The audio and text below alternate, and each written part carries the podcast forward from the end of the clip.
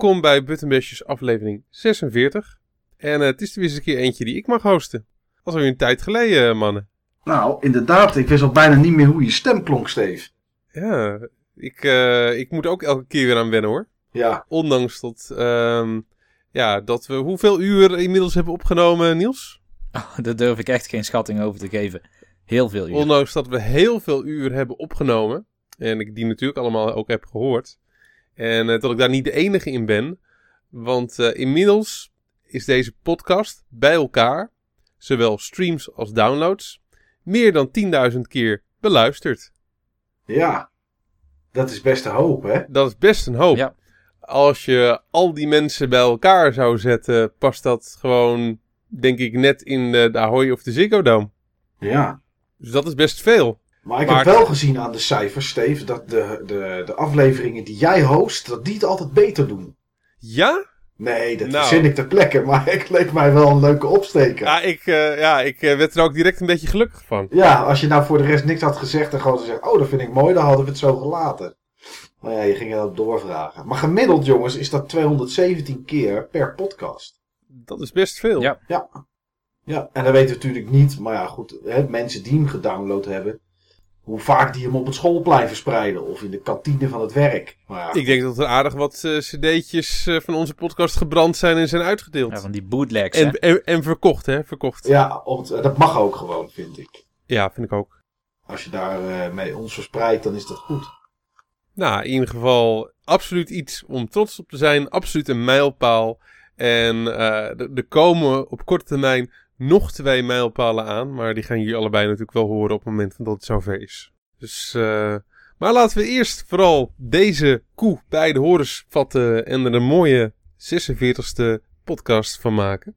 Een eh, podcast waarin we nog inzoomen op de retro gamebeurzen. Die er de laatste weken geweest zijn. Want het is weer dat seizoen. En ehm, met een, eh, ja, een hoofdonderwerp wat al een tijd aan zat eh, te komen. Wat we absoluut een keer moesten gaan eh, laat, de revue laten passeren. Censuur in games. Maar daar komen we straks eh, nog op.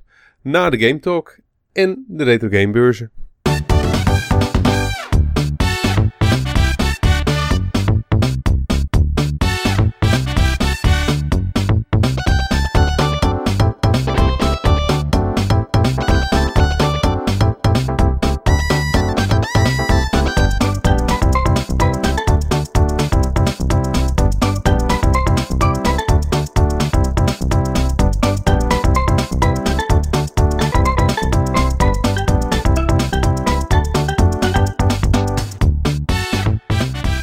Ja, Niels. Jij eentje en ik eentje, toch? Ja. Van die retro gamebeurzen. Klopt, ja. Want, want jij was volgens mij bij geen van twee, toch, eh, Mike? Nee, nee, nee. Ik ben niet in Deurne geweest bij de vernieuwde, eh, vernieuwde retro gamebeurs Deurne. Volgens mij is dat de officiële naam. Daar ben ik niet geweest. En eh, ik ben ook niet in Apeldoorn geweest eigenlijk. Nee, dat klopt. Ben je ook niet op de Dutch Comic Con geweest? Nee, nee, daar ben ik gelukkig niet geweest. Dat, eh, ik, eh, om even kort, ik hoef niet in de rij voor iemands handtekening. Zo fan ben ik van niemand. En voor de rest, eh, als je daar niet in de rij ging en alleen van de DeLorean, van de Batmobile een fotootje ging maken. Ja, dat was, waren de meeste mensen die ik gesproken heb na ongeveer 90 minuten waren die wel weer weg. Dus dat was voor mij eh, zeker niet de moeite. Oké. Dus ja, dan, dan vrees ik eh, dat Niels en ik nu eventjes de boel eh, in moeten gaan vullen. Nou, als jullie dat doen, ga ik even een bakje koffie zetten. Tot zo. Doe dat voor- ook voor ons, toch? Eh, nee. Oké. J- jouw beurs was het, eh, was het eerst, eh, Niels. De, eh, de vernieuwde retro gamebeurs in Deurne. Ja, en ehm, ja, we waren allebei naar de vorige beurs in Deurne geweest. Daar Ja. waren we toen niet zo eh, over te spreken. Nee, die was namelijk vreselijk. Ja, we zagen... En dat was eigenlijk de algemeen geldende opinie. Ja, dat klopt, ja.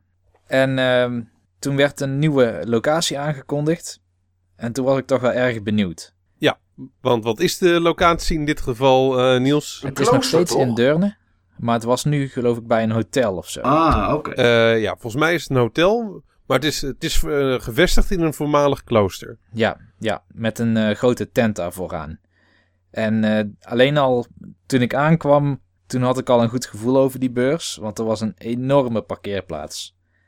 En Dat is sowieso fijn bij eh, dit type evenement, want daar ontbreekt het vaak aan. ja, als je de vorige beurs in Deurne nog kan herinneren, dat was in zo'n, ja, wat was het voor een soort buurtgebouw of zo? Een, eh, ja, een buurthuis. Ja, was in ieder geval ergens een beetje in een soort, in een soort centrum winkelstraatachtig iets. Er zat natuurlijk een Ja. kerk zat daarnaast. Dat was de alle, de- bij de allereerste. En daar was het echt een ramp om te parkeren. Ja, ik moest vaak parkeren ergens in, ja, in al die woonwijken of bij een spoor. Op een gegeven moment heb ik mijn auto ooit geparkeerd in de sneeuw, kan ik me ook nog herinneren. Maar dit was gewoon een super uitgestrekte parkeerplaats waar eh, ja, misschien drie kwart hooguit van vol was. Oké, Maar dat, nou, het begon al goed. ja, maar dat al over goed. de drukte, want het was toch wel gezellig druk, niet overdreven. Nee, je wil ook niet dat het enorm rustig is, want A, niet goed voor de verkopers. B, het geeft geen sfeer. Nee, inderdaad. Je kan ook geen mensen ontmoeten. En je kwam dit keer gewoon binnen in, eh, in, in een grote witte ja, partytent, zou ik het denk ik noemen. Nou, we noemen het een evenemententent. Een evenemententent waarin twee lange tafels met, eh, met games stonden, over het algemeen. Er stonden bij de ingang ook wel wat kleinere standjes. Maar gewoon twee hele lange tafels met veel verkopers eraan stonden in die tent. Eh, daar stond onder andere ook onze Jur en onze Arkman van het forum. Dus die heb ik daar ook gelukkig eventjes kunnen spreken. En eh, daarnaast was er een grote kerk of kapel. Ik zou het kerk noemen, want het was nog best wel groot. En eh, daarbinnen stonden ook nog een hoop tafels. En daar was over het algemeen ook best wel veel ruimte. Dus het probleem met eh, mensen voorbij schuifelen en rolstoelen die er niet doorheen kunnen, zoals je bij de vorige beurs in Deurne had, dat was nu wel opgelost. Oké, dat is een hele goede zaak. Ja, Want dat was het belangrijkste probleem van, van die vorige locatie. Ja. Daar liep je echt gewoon overal vast en er was gewoon heel weinig ruimte. En het was gewoon onprettig druk. precies. en iedereen precies. vond dat eigenlijk ook zo. Het was ook gewoon echt zo. Die locatie was eigenlijk gewoon echt helemaal niet geschikt voor die bezoekersaantallen en voor dat aantal stands. Nee. En ik denk dat deze locatie voor de komende jaren misschien wel eh, toch wel toereikend is. En zelfs voor een aantal nieuwe dingen waar ze vanaf deze beurs mee begonnen zijn. Ja, althans, dat, dat was geadverteerd inderdaad. Er was iets met eh, een soort historie van videogames of zo. Er was volgens mij een kleine tentoonstelling. En er was volgens mij, ik ben er zelf niet geweest natuurlijk. En er waren ook arcadekasten, toch? Ja, die arcadekasten heb ik wel gezien, maar die tentoonstelling heb ik niet gezien. Misschien langsgelopen of zo, of een andere deur moeten pakken. Ik weet het niet. Nou, er waren in ieder geval ook wat meer dingen om eh, het evenement smoel te geven. Ja, precies, precies. Was het een beetje makkelijk om eten en drinken te kopen, Niels? Ja, Qua dat je daar een beetje bij kon komen. Want dat was in de, de eerste locatie van Deurne was het ook al een ramp. Er stonden de verkopers in de kantine. ja dat klopt, ja. Dat, ehm, nu stond de kantine tussen de verkopers. Is een, Oké. een soort perspectiefverandering. Eh, het was dus een stuk kleiner qua kantine. Je had eerst natuurlijk, bij die vorige beurs had je gewoon een grote bar. En op een gegeven moment een keuken waar je dan snacks kan kopen en eh, friet. En hier stond er gewoon een klein barretje in die kerk. In een hoekje. Oké, maar wel voldoende. Eh, nou, ik heb er zelf geen gebruik van gemaakt. Maar oh, niet. eh, ik heb er niet echt rijen zien staan eh van mensen die aan het wachten waren. Oké. Dus het was goed genoeg, denk ik, voor deze editie van de beurs in Deurne. Ehm, ik heb ook een paar dingen gekocht. Dat was mijn volgende vraag inderdaad, ja. Of je nog leuke dingen hebt kunnen vinden. Ja, ehm één ding trouwens wat me nog opviel, en misschien eh, viel jou dat ook wel in Apeldoorn op. Bepaalde games zijn weer in prijs aan het dalen. Daar heb ik eh, vaker over gehoord de laatste tijd. En heb je, heb je daar ook voorbeelden van? Ja, ik heb, eh, ik heb jarenlang, of jarenlang, ik heb een jaar of twee, drie geleden, toen zocht ik altijd naar de Lolo games. Ah, ja. Daar moet ik alleen deel 3 nog van hebben. Ik vind dat echt leuke games. Ja, precies. Eh, maar die waren vaak wel redelijk duur. Ja. Card only moet je toch aan 20 euro denken. Misschien krijg je nog iets af. Maar die kwam ik nu toch wel voor 15 tegen. Oké. Dus dat is duidelijk een titel die toch wel gezocht is. Toch ook niet heel erg eh, veel voorkomt. Ik zou het niet als een common titel betitelen. Maar eh, ja, voor die prijs kon je hem dus tegenkomen. Daarentegen vond ik het wel weer raar. Ja, hij, is, in- hij is in ieder geval absoluut niet zeldzaam, nee. Nee, precies. Het is wel weer raar dat bijvoorbeeld eh Chip and Dale, de Rescue Rangers, gewoon deel 1, dat die wel weer duurder is geworden.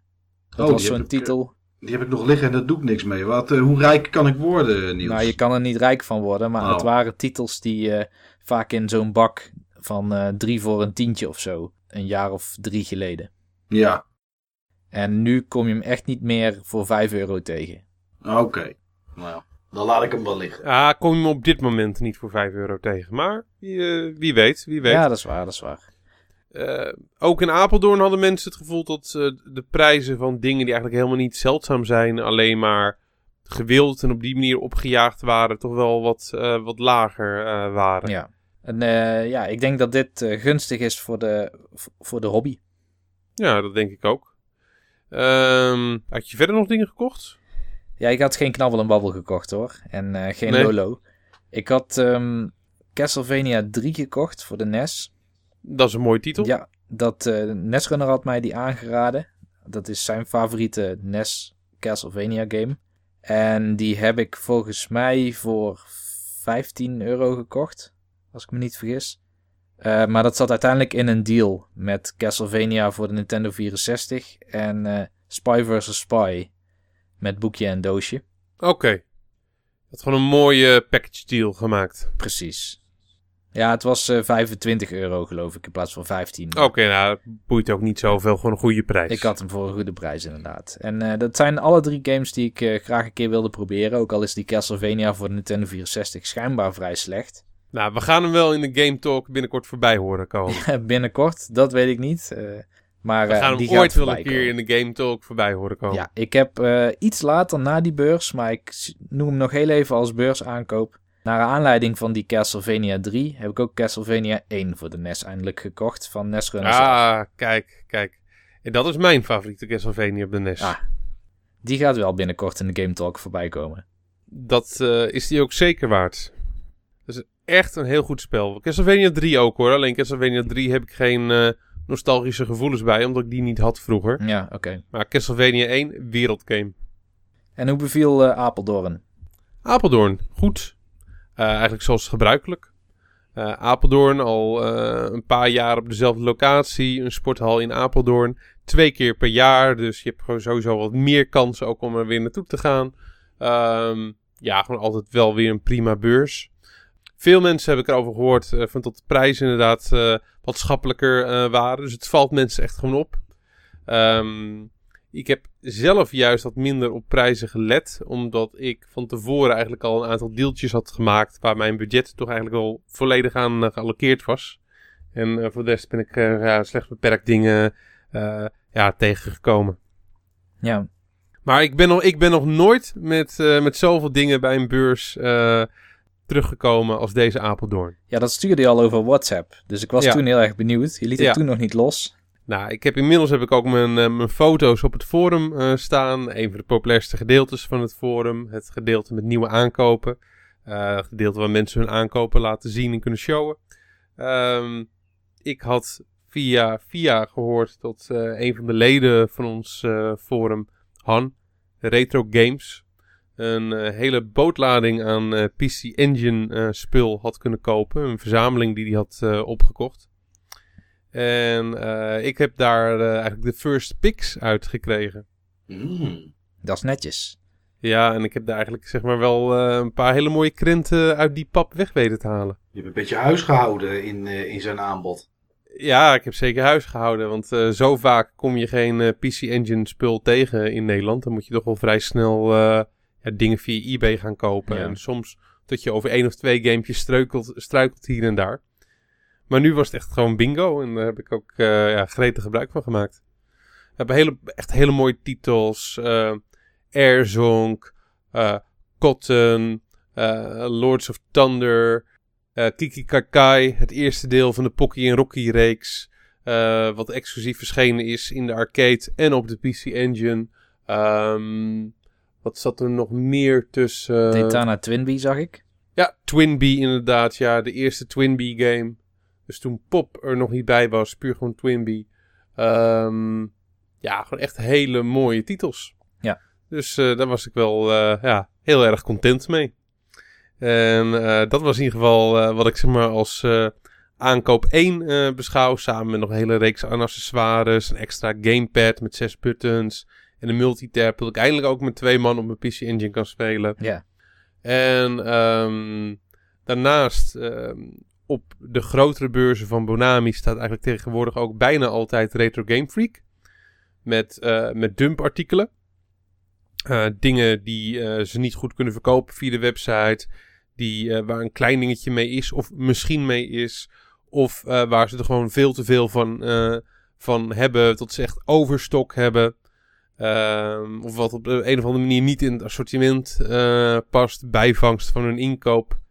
En dat doen ze dan zeg maar allemaal in eurobakken van of 1 euro of, uh, of 4 van een tientje. En dan kan je echt helemaal losgaan. Heb ik ook wel mooie dingen uitgehaald. Uh, wat PlayStation 1 games. Ik had nog een Popeye voor de NES. Had ik dan zeg maar uit die iets duurdere eurobak. Ik had nog een Amerikaanse Xanadu. Waarvan ik dacht dat iemand hem zocht. Maar waarvan het niet meer het geval bleek te zijn. Dat ik hem zelf maar gewoon hou. En uh, zo nog een aantal dingen. Dus zeker met dit soort ja, dump uh, stands kun je ook gewoon voor weinig geld en een klein budget echt hele mooie dingen weghalen. Ik heb echt heel veel mensen gezien die ook uh, ja, daar bij wijze van spreken met, met tassen vol aan, um, aan dingen uh, konden slagen. Ja.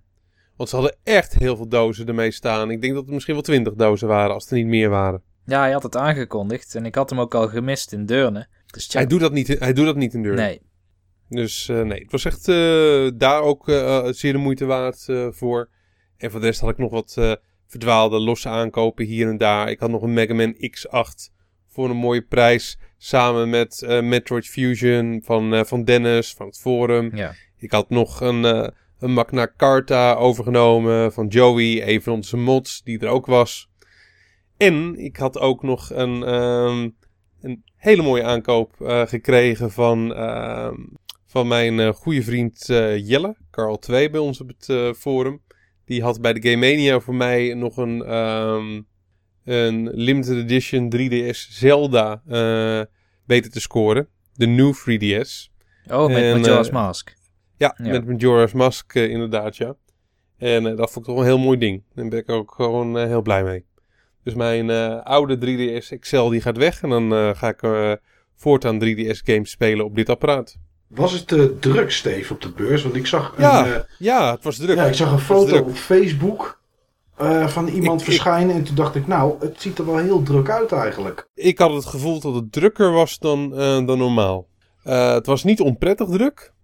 Um, op een gegeven moment was het eventjes echt merkbaar druk in het middenpad. Dat was maar heel kortstondig. Maar ik had absoluut het gevoel dat het drukker was dan normaal. Ja, deze hobby zit kennelijk toch steeds meer in de lift. En wat me ook opviel, um, zeker nu je deze vraag stelt, um, meer dames en meer kinderen. Oké, maar kinderen die met hun ouders mee moesten of echt uh, tieners, zeg maar, die games aan het kopen waren? Ook, ook wel tieners, maar ook gewoon echt uh, ja, kinderen die met hun ouders mee moesten, maar niet voordat ze meegesleurd werden door hun ouders, maar dat, ze die, dat die ouders de kinderen echt gewoon begeleiden. Oké, oké. Oké. Nou. ja. Leuk. Ja. Dat vond ik wel heel erg opvallend. Ja, dat is opvallend inderdaad. Dat zie je niet zoveel. Nee, dus uh, ja, klaarblijkelijk is er toch gewoon een stuk vernieuwing in de hobby uh, gaande. Ja. Uh, ik hoorde ook van, um, van Jur, die er ook uh, stond met een stand, dat hij de indruk had dat nieuwe dingen ook goed verkochten. En nieuwe dingen, dan denken we aan PS3 games of zo bijvoorbeeld. Ja, PS3 games en um, PS4, uh, Wii U. Oké. Okay. Wat dingen die hij die, die over had. Um, ja, ik zag ook wat dingen bij hem liggen. Hij was er ook gewoon uh, zo vanaf. Dus, um... Nou ja, waarom ook niet? Waarom zou je het er niet bij leggen als je ja, meer publiek waarom trekt? Niet? Ook als beurs zijnde. En, uh, en die mensen die, als ze er toch zijn, misschien ook nog een retro game meenemen. Dan is dat alleen maar een mooie combinatie. Ja, toch? zeker, zeker. Maar uh, ik denk dat heel veel mensen het een uh, geslaagde beurs vonden. Oké, okay. nou, goed om te horen. Goed om ja. te horen. Ja, en er, en er komen weer meer beurzen aan de komende tijd. Laten we ze ook eventjes noemen voor de mensen die hierdoor geïnteresseerd zijn geraakt. Of puur gewoon eventjes als reminder voor uh, de mensen die toch naar beurzen toe gaan. Je hebt eerst, heb je, in, heb je op 3 mei, heb je in uh, Tilburg een nieuwe uh, gamebeurs, Retro Gamebeurs Tilburg. Waar um, onze vrienden van Arcadium ook een uh, gedeelte hebben. Die beheren dan het, het café en maken daar een soort van mini-Arcadium. Dus dat is wel heel leuk. Ja, dat is een leuk idee. Ja, dat is wel heel leuk. En um, ook verschillende dingen voor kinderen die daar georganiseerd worden. Um, Nou, en, en volgens mij zijn er ook best wel veel eh, standhouders inmiddels. Dus ik, eh, ik ben benieuwd. Ik ben sowieso van de partij. Het, eh, het past er goed in, in mijn beursschema. en dan heb je iets later ook nog de Retro Game Beurs in Eindhoven op 14 juni. Ja, van Bonami, hè? Ja, van Bonami. Daarvan weet ik niet zeker of ik er naartoe ga. Ja, het begin van de zomer. Dan heb ik ook wel andere dingen eh, op mijn prioriteitenlijst staan dan eh, dit soort eh, evenementen. Ja, jouw eh, hardbody moet natuurlijk bruin worden, Steve. Ja, ja, ja, dat moet er al natuurlijk weer eh, goed uitzien. Ja. Dus eh, nee, ik eh, moet eventjes kijken. Maar ik ben in eh, Tilburg sowieso van de partij. Oké. En jij toch ook, eh, Niels? Ik ga het zeker proberen. En ook die in Eindhoven. Mooi. Ja, voor jou is het ook echt een thuiswedstrijd natuurlijk. nu nog wel, ja. Nu nog wel. En ga jij nog een van de twee meepakken? Maar Ik eh, skip ze alle twee. het is geen verplicht nummer. Ik moet zeggen, ik ben ook een tijdje niet naar beurzen eh, geweest. Toen ik zat ook met mijn ogen. En eh, ja, nu vind ik het ook weer veel leuker om, om te gaan. Ja, nu kan je, ik was zien, een beetje, kan je zien wat je koopt. Nee, ik was een beetje beursmoe. En nu vind ik het ook weer veel leuker. Nee, nou, ik ben niet beursmoe, maar Tilburg kijk ik zeg maar even kat uit de boom. Omdat het de eerste is. En Eindhoven, ja, dus net zoals Deurne is gewoon echt een end weg. En vanuit Enschede, sowieso is alles vanuit Enschede ver. En dan zijn dat soort beurzen eigenlijk alleen interessant, tenminste voor mij, als ik echt gewoon eh, eh, genoeg biljetten heb om stuk te slaan. Als ik, Ja. er, eh, Ja. als ik er naartoe ga met vijf tientjes in mijn zak, ik noem maar wat. Hè, als ik naar Apeldoorn kom ik regelmatig langs. Dan zou je dat nog kunnen doen. Maar als je naar Eindhoven rijdt en, eh, en je neemt maar, eh, weet ik veel, vijf, wat ik zeg, noem maar iets hoor, vijf tientjes mee. Ja, dan, dan, dan is je benzine. is Nee, dat dus al... dat is niet, niet lucratief. Nee, nee, nee. Dus, eh, maar het is niet omdat ik, het, eh, omdat ik het zat ben. Maar ik moet ook wel eerlijk zeggen, en dat is ook wel lastiger, dat iets in een, in een kringloop of op een, eh, op een rommelmarkt of straks Koningsdag vinden, heeft, heeft voor mij toch altijd meer charme dan dat het gewoon het in een ook. bak staat. Heeft het ook. Dat is gewoon, ehm, ja, gewoon iets vinden in het wild inderdaad. Ja, dat geeft gewoon veel meer een kick. Ja, ja, ja. En die, Of het moet iets heel bijzonders zijn waarvan de verkoper niet weet dat bijzonder is. Ja, dat zou altijd nog kunnen. Maar dat het op een beurs is, is dat natuurlijk al vrij zeldzaam dat dat gebeurt. Ja.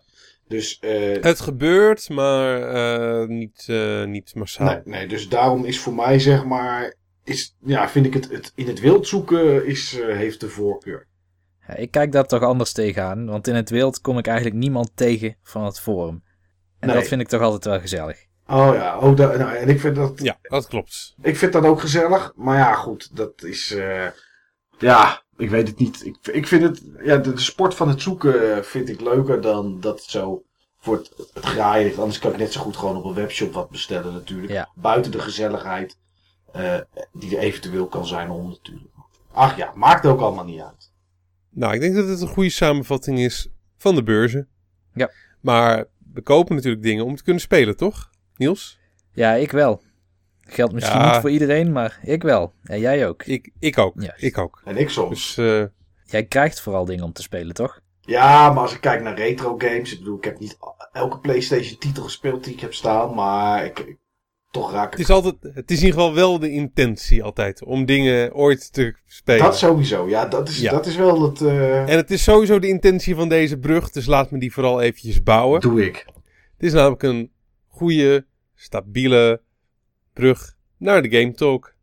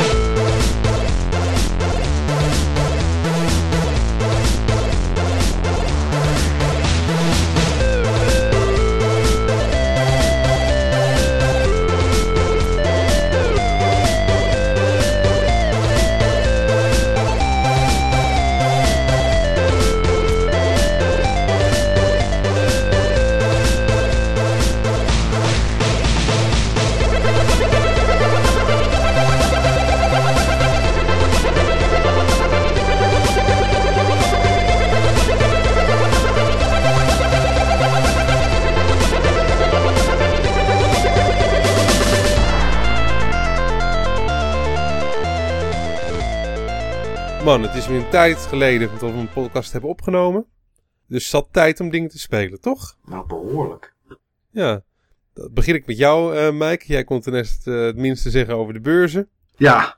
Maar ik weet dat jij weer veel hebt gespeeld. Ik heb heel veel gespeeld, maar ik wil eigenlijk wil ik maar twee games benoemen. Uh, en uh, daar is ook een reden voor.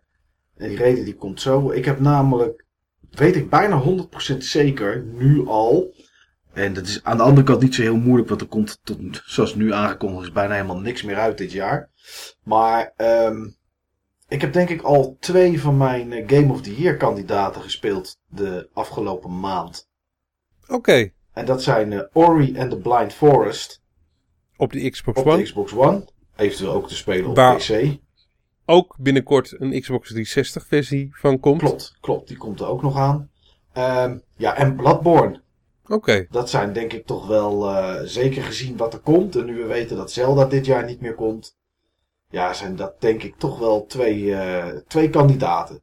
En de reden dat het eigenlijk alle twee zijn, is ze hebben eigenlijk wel, omdat het hele verschillende games zijn. Ori and the Blind Forest is natuurlijk een platformer. Hebben ze één ding gemeen? Ze, nou, ze hebben meerdere dingen gemeen. Oh, meerdere dingen zelfs? Ja. Oké. Okay. Uh, ze zijn alle twee heel moeilijk. Dat was ook waar ik op doelde. Ja, dus ze bieden alle twee uitdaging. En ik ben tegenwoordig meer van games die uitdaging hebben dan bijvoorbeeld een GTA 5 wat eigenlijk iedereen kan spelen en uit kan spelen. Want daar is nou niet echt heel veel. Ja, eh, bedoel, daar hoef je niet heel erg goed voor te kunnen gamen of je best op te doen. Weet je, dat. Ja, Tenzij je een tank wil stelen. Ja, goed. Maar om, om de main story uit te spelen, ja, daar hoef je niet zo goed voor te zijn. Nee, nee. En uh, dus dat soort games boeien me wat minder tegenwoordig. En wat ze alle twee hebben, is dat ze uh, enorm veel sfeer hebben. En ja. echt een sfeer die ook tot, ja, echt, je wordt echt bij alle twee de wereld ingezogen. Um, Ori and the Blind Forest, in het kort, is een indie game. Ja, raar dat ik dat als een van mijn Game of the Year kandidaten bestempel, maar het is nu eenmaal zo. Um, indie game gemaakt door een stel mensen uit, uh, uit Oostenrijk. En het is een platformer die eigenlijk een beetje teruggaat naar zo, ja, naar platformen zoals vroeger. Er is eigenlijk maar één manier om iets te doen. 9 van de 10 keer. Om ergens op een bepaalde plek te komen. En ja, die moet je ook aanhouden. En dat is wat we natuurlijk vroeger op het tijdperk van de NES en SNES uh, eh, heel veel tegenkwamen. En ja, dat maakt het met die moeilijkheidsgraad en hoe het eruit ziet. Ja, maakt het heerlijk. Het is een game, je zou het uh, Castlevania-achtig kunnen noemen. Omdat je, of Metroidvania, hoe ze het ook allemaal, allemaal noemen. Omdat je backtracking hebt je verdient ergens nieuwe skills. Dan moet je weer terug omdat je andere kant op moet waar je dan die skills kan gebruiken. Of er liggen extra's. En ja, het is. Het verhaal is, is iets te zweverig voor mijn doen. Um, maar voor de rest, het is een perfecte platformer. Het is echt precisiewerk. Uh, het speelt ook echt goed. Enige nadeel vind ik op de Xbox One.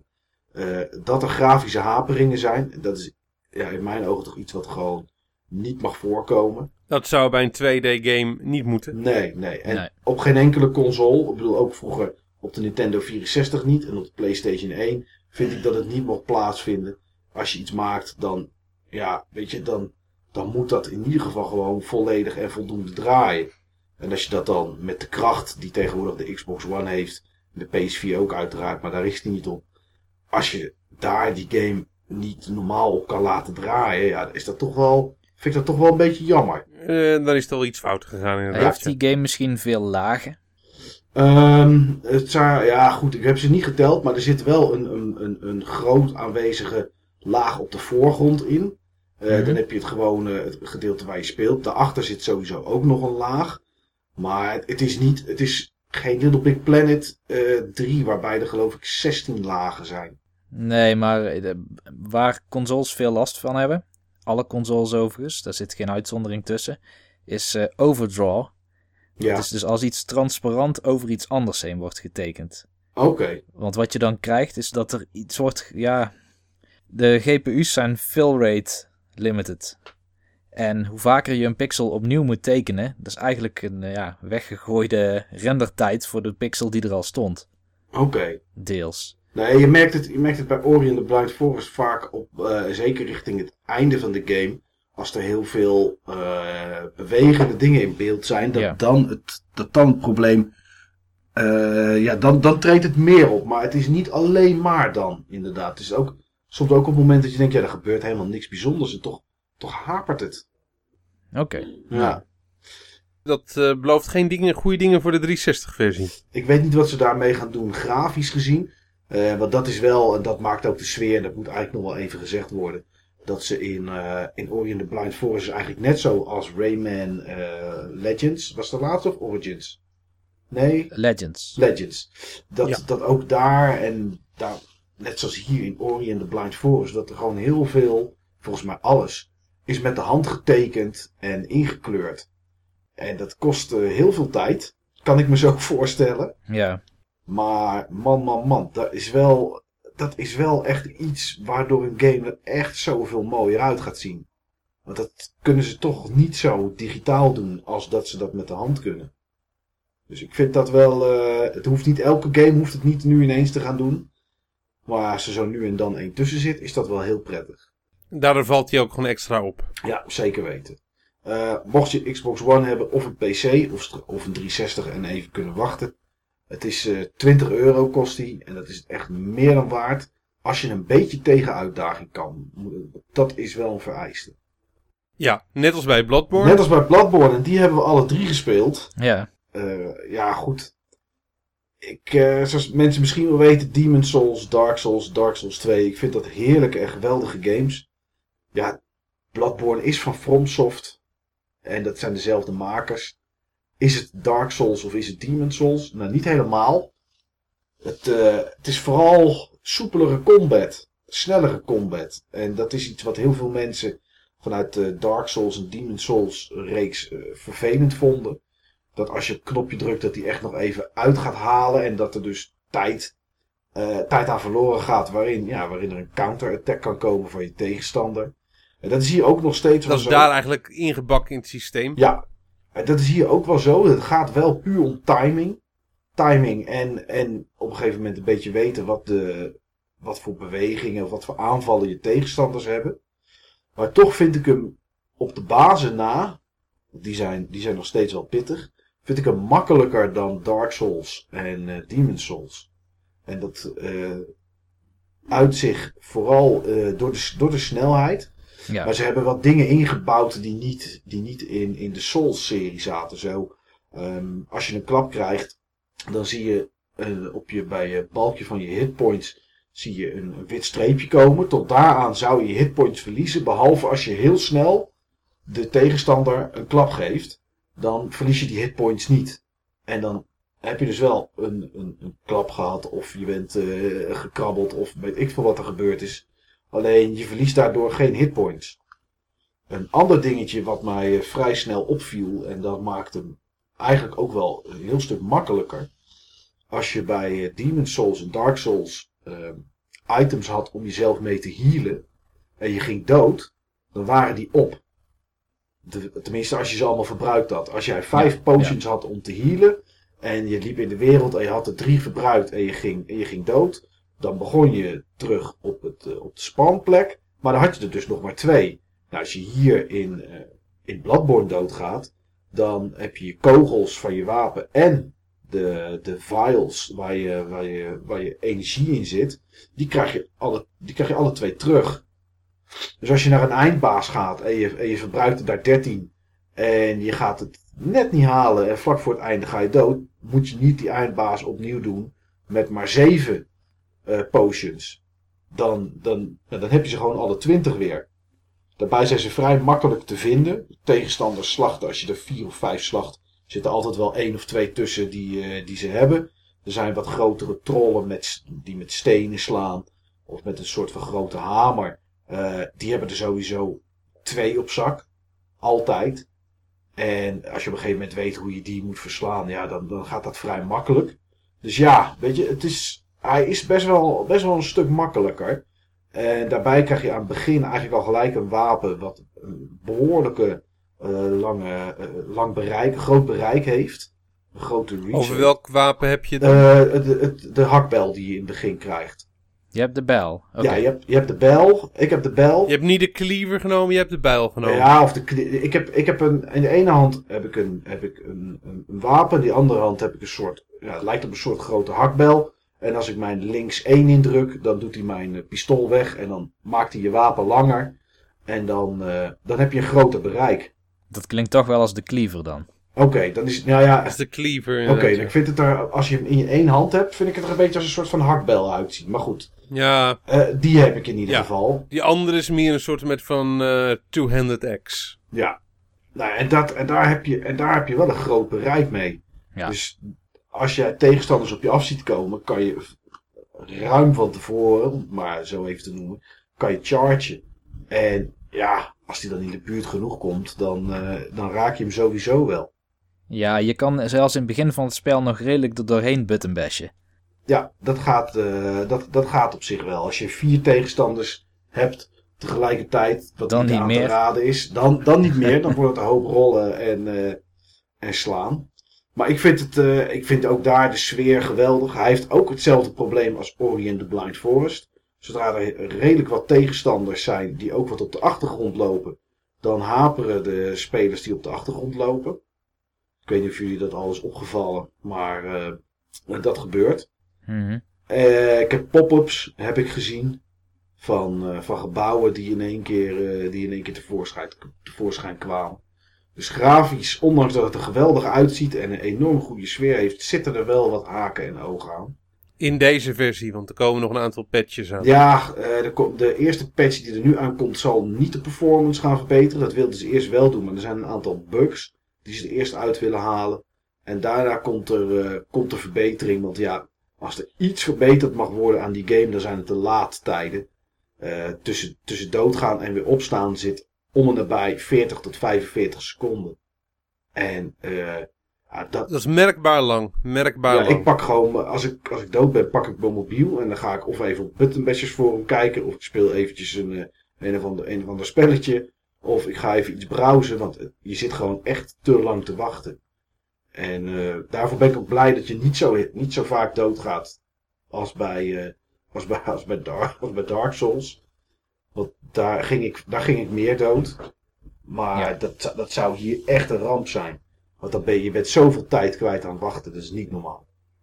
Maar goed, voor mij wel echt een Game of the Year kandidaat. eh, want ja, ik zou niet weten welke games het anders moeten worden. Ja, The Witcher 3 eventueel.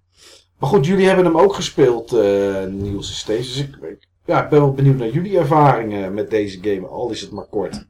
Ja, nou, ik zal beginnen. Ehm, ja, ik ben net als jij een hele grote Dark Souls en Demon Souls fan.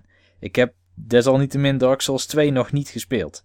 Oké. Die heb ik voorlopig overgeslagen, maar daar komt ook een remake van, dus ik denk dat ik die dan koop. Ja, die Ik komt... zou die eh, spelen. Die komt volgens mij al volgende 2 week. april komt hij uit. Eh, Dark Souls 2, Schooler of the First Sin. En als je hem inderdaad voor de PS4 eh, koopt, dat zal het wel worden. Dan zit de DLC erbij en is die inderdaad opgepoetst. En draait hij, als het goed is, op 60 frames per seconde. Ja, maar eh, ja, voorlopig dus even Bloodborne. Ik heb nog niet zo heel erg veel kunnen spelen. Ehm, ik, heb, eh, ik ben één keer best wel veel progress kwijtgeraakt doordat toen de stroom uitviel in de hele provincies eh, rondom Utrecht. Ja, Dus dat hielp al niet. Maar ehm, nou, ik heb gisteren en vandaag nog een beetje gespeeld. Dat wil zeggen, ik ben nog steeds in Central Yarnum. Ja. Eh, maar ik ben nu bij die eerste eindbaas. oké, de Cleric De Beast. cleric, ja. ja, ja, ja. En ja, ik geef jou helemaal gelijk. eh, De, de sfeer eh, ik, doet mij denk ik iets meer nog dan, dan Dark Souls. Ja, Het, de, de, sfeer- ja, de stijl is gewoon herkenbaarder voor ons. Die Victoriaanse stijl van, eh van Yarnum. Mij bevalt de combat eigenlijk ook wel. Ook al zien misschien veel Dark Souls puristen het als een negatief iets. Ja, weet je, eh, ik, vind het wel, ik vind het wel prettig dat je soms gewoon wat, wat, wat verder door kan lopen dan eh, één tegenstander dood en, eh, en weer opnieuw moeten beginnen. Je kan, Ja, je kan, zeker in het begin ga je een aantal maal dood. En dan, dan weet je waar tegenstanders staan. Dat is het gelukkig niet zo dat die zich, dat die zich verplaatsen. Ehm, en dan, ja, dan kan je gewoon prima kan je, kan je hele stukken doen zonder dat je doodgaat. Ja, dat heeft inderdaad uh, Bloodborne nog wel. Dat had uh, Dark Souls en Demon Souls hadden dat ook. Van die uh, vijanden die net achter een muurtje of een deur staan of zo. Die kun je echt niet aanzien komen de eerste keer. Nee. Dus dan ga je inderdaad waarschijnlijk af. tenzij je echt meteen op cirkeltje drukt en een duik maakt. Die is trouwens ook best wel veranderd hè, ten opzichte van Dark Souls. Je hebt heel veel invincibility frames. Ja, klopt. Als jij veel duikt, dan kan je bijna niks gebeuren. Tenminste niet als je één tegenstander tegenkomt. Nee, ik vind alleen wel, als je door, door de rechterstik in te drukken, dan target je een tegenstander. Ja. En dan werkt het rollen werkt soms wat irritant, moet ik zeggen. Ehm, en doordat uh, Jarnum veel kleine, uh, beetje, beetje benauwende straatjes kent en ook, ook gebieden, kan het soms wel eens rommelig worden door te zien waar je nu bent. De camera die, die sweept alle kanten op. En uh, zeker bij de eerste twee eindbazen uh, ja, heb ik toch echt wel momenten gehad dat ik dacht, ja, ik blijf maar rollen. Ik zie niet waar ik ben, maar blijf maar gewoon rollen en dan hoop ik dat het goed komt. Ja, ja, daar kan ik wel inkomen, ja. Maar ja, uh, ja, dit is voor mij ook hoogstwaarschijnlijk de Game of the Year. Um, als uh, Xenoblade Chronicles X mij nog extreem verrast. Ik bedoel, Xenoblade heb ik ook veel gespeeld, maar ik denk dat ik Souls toch altijd wel iets leuker vind nog dan die serie. Um, ja, Monster Hunter 4 is natuurlijk eh, een fantastische titel in een van mijn favoriete franchises. Maar ja, het zou misschien gaan tussen Monster Hunter 4 en Bloodborne uh, op dit moment. E, even een vraag van mij. Hoe weten jullie dat zo zeker, mannen? Want jullie hebben helemaal nog niet zo gek veel gespeeld. Nou, als ik kijk, uh, maand april, het enige wat daar groots uitkomt, wat voor mij interessant is, is Mortal Kombat X. Ja. Dan gaan we naar mei, dat is The Witcher 3.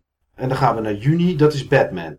Nou, voor juli en augustus hebben we helemaal nog geen grote titels staan. Uh, als ze op de E3 aangekondigd worden, dan is het aankondigen en binnen twee maanden uitkomen gebeurt bijna nooit. En als we kijken naar wat er allemaal, eh, ik bedoel, Zelda is uitgesteld, die komt niet meer dit jaar.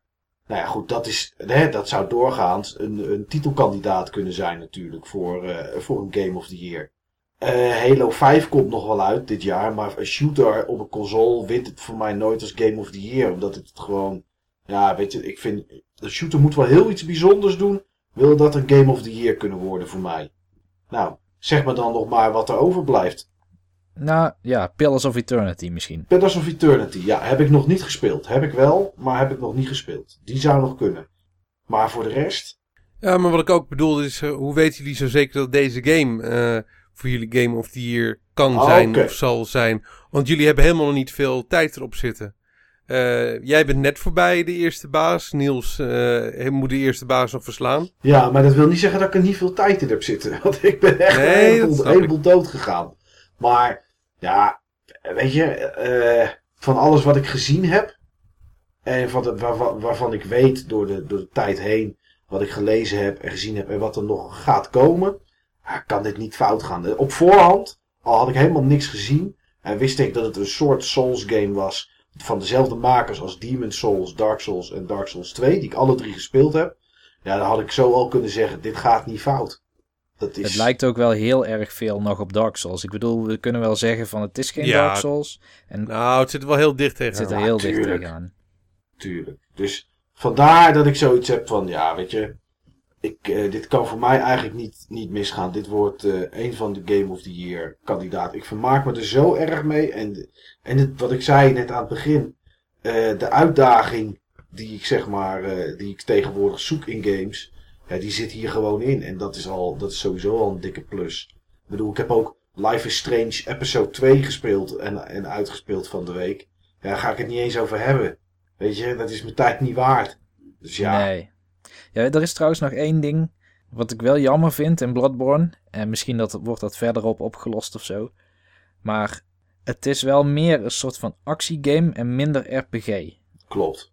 Ja, dat gaat niet heel erg veranderen. Kijk, je kan, je kan natuurlijk met stats kan je een beetje spelen. Je krijgt straks wat meer items. Maar het is... Uh, ja, het komt denk ik ook door de snelheid. die, die Souls games waren wat trager. En, en, en ja, wat misschien, er zaten ook veel meer wapens in dan dat er in, uh, dan dat er in Bloodborne zit.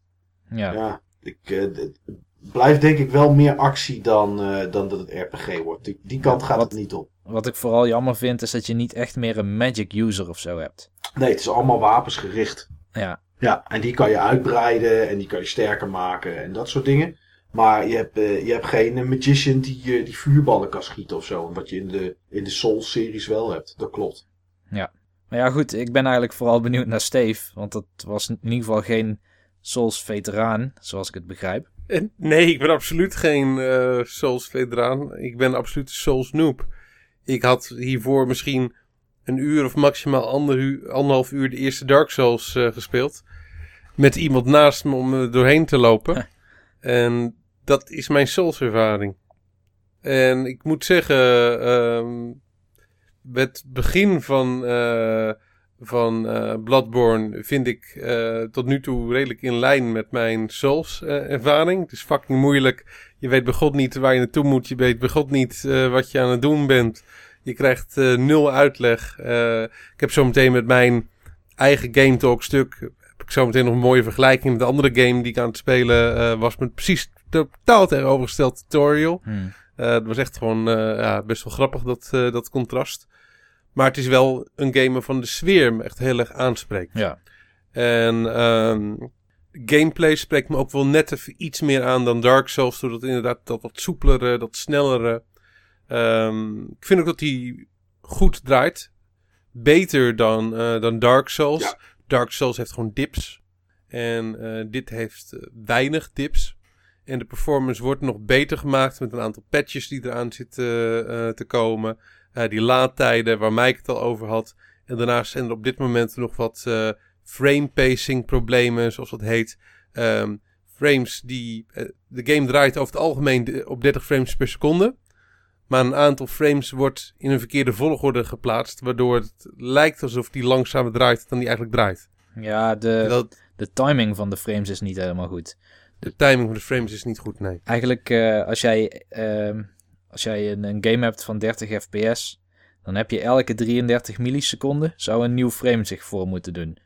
Alleen wat er nu gebeurt, is dat er soms eh, op 1 60ste milliseconde, dus na 16 milliseconden, of 1 60ste eh, frame moet ik zeggen, dus na 16 milliseconden, dat er dan al een nieuw frame komt. En vervolgens komen een paar kopieën van dat frame voordat er weer een nieuw frame komt. En dat geeft een heel Ja. onrustige cadans of zo. Ja, het hoeft helemaal niet. Nee.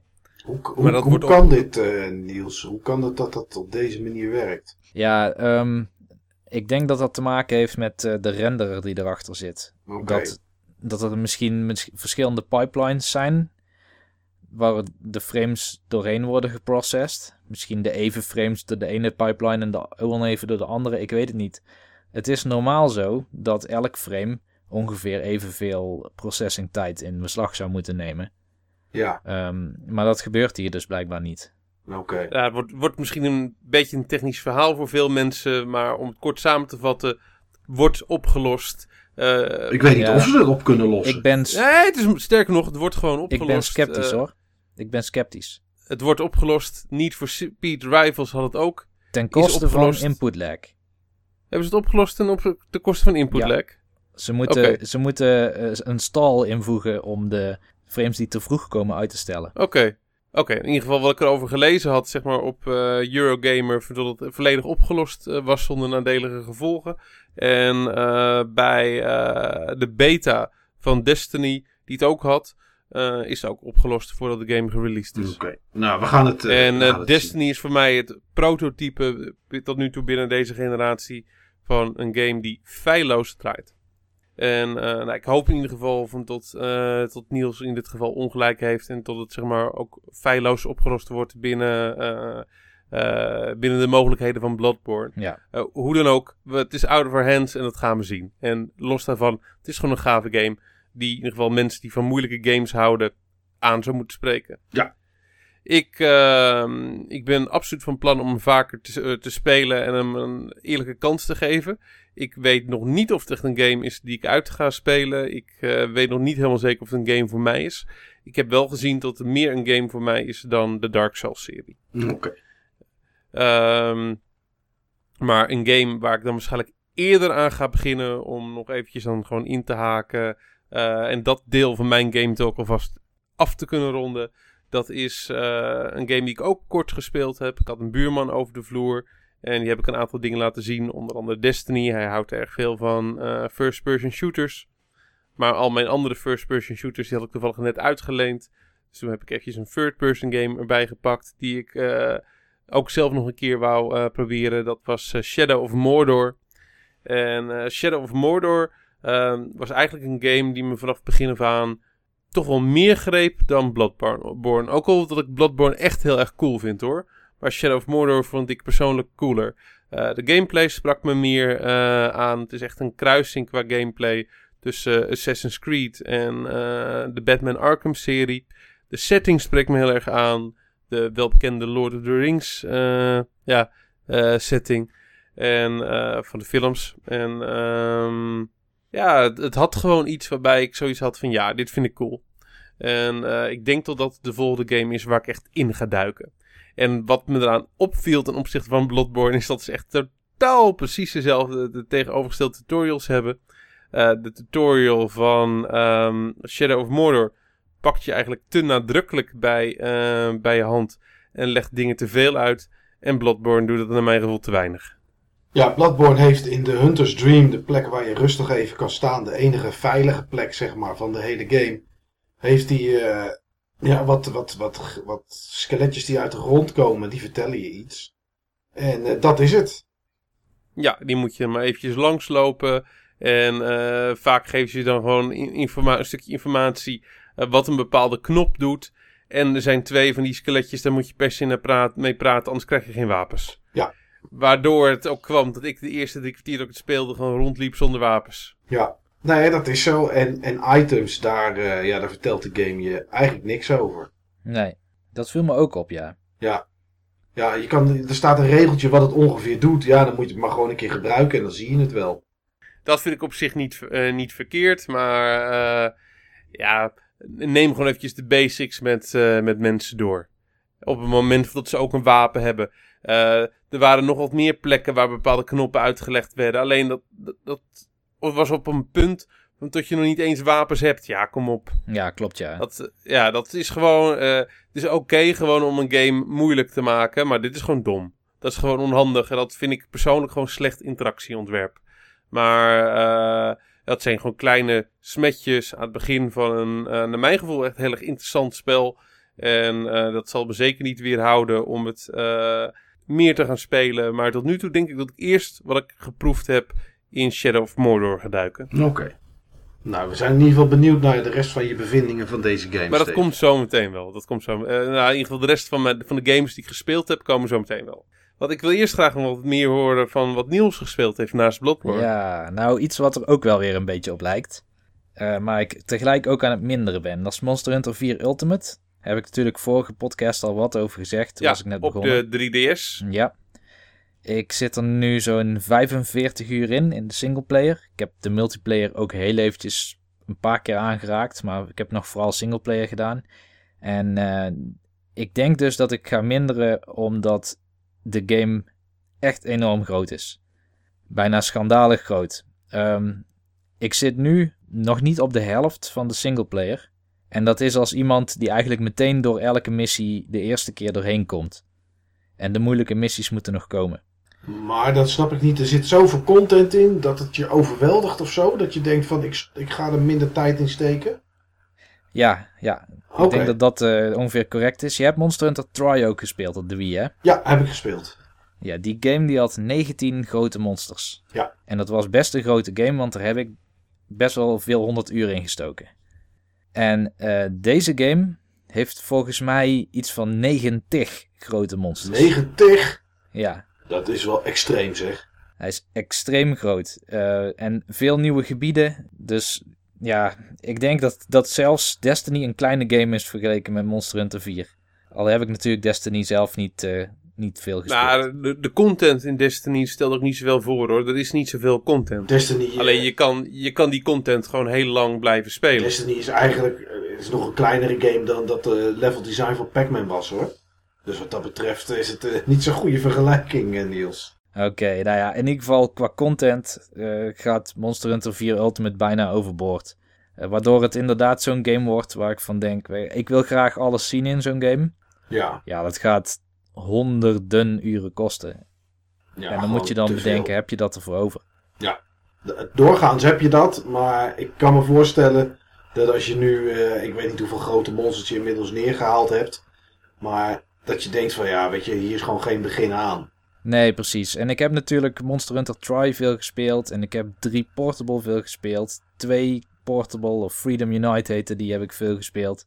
Ja. En drie Ultimate. Op de Wii U heb ik veel gespeeld. Dus wat dat betreft heb ik al heel erg veel tijd in deze serie zitten. En vooral in het begin is het gewoon weer ellendig lang door die low rank heen komen. Dan al die high rank missies spelen. Tot je eindelijk bij G-rank komt. Ja. En dan is die meestal zo moeilijk dat je eigenlijk meer afgaat dan, eh, dan missies haalt. Hmm.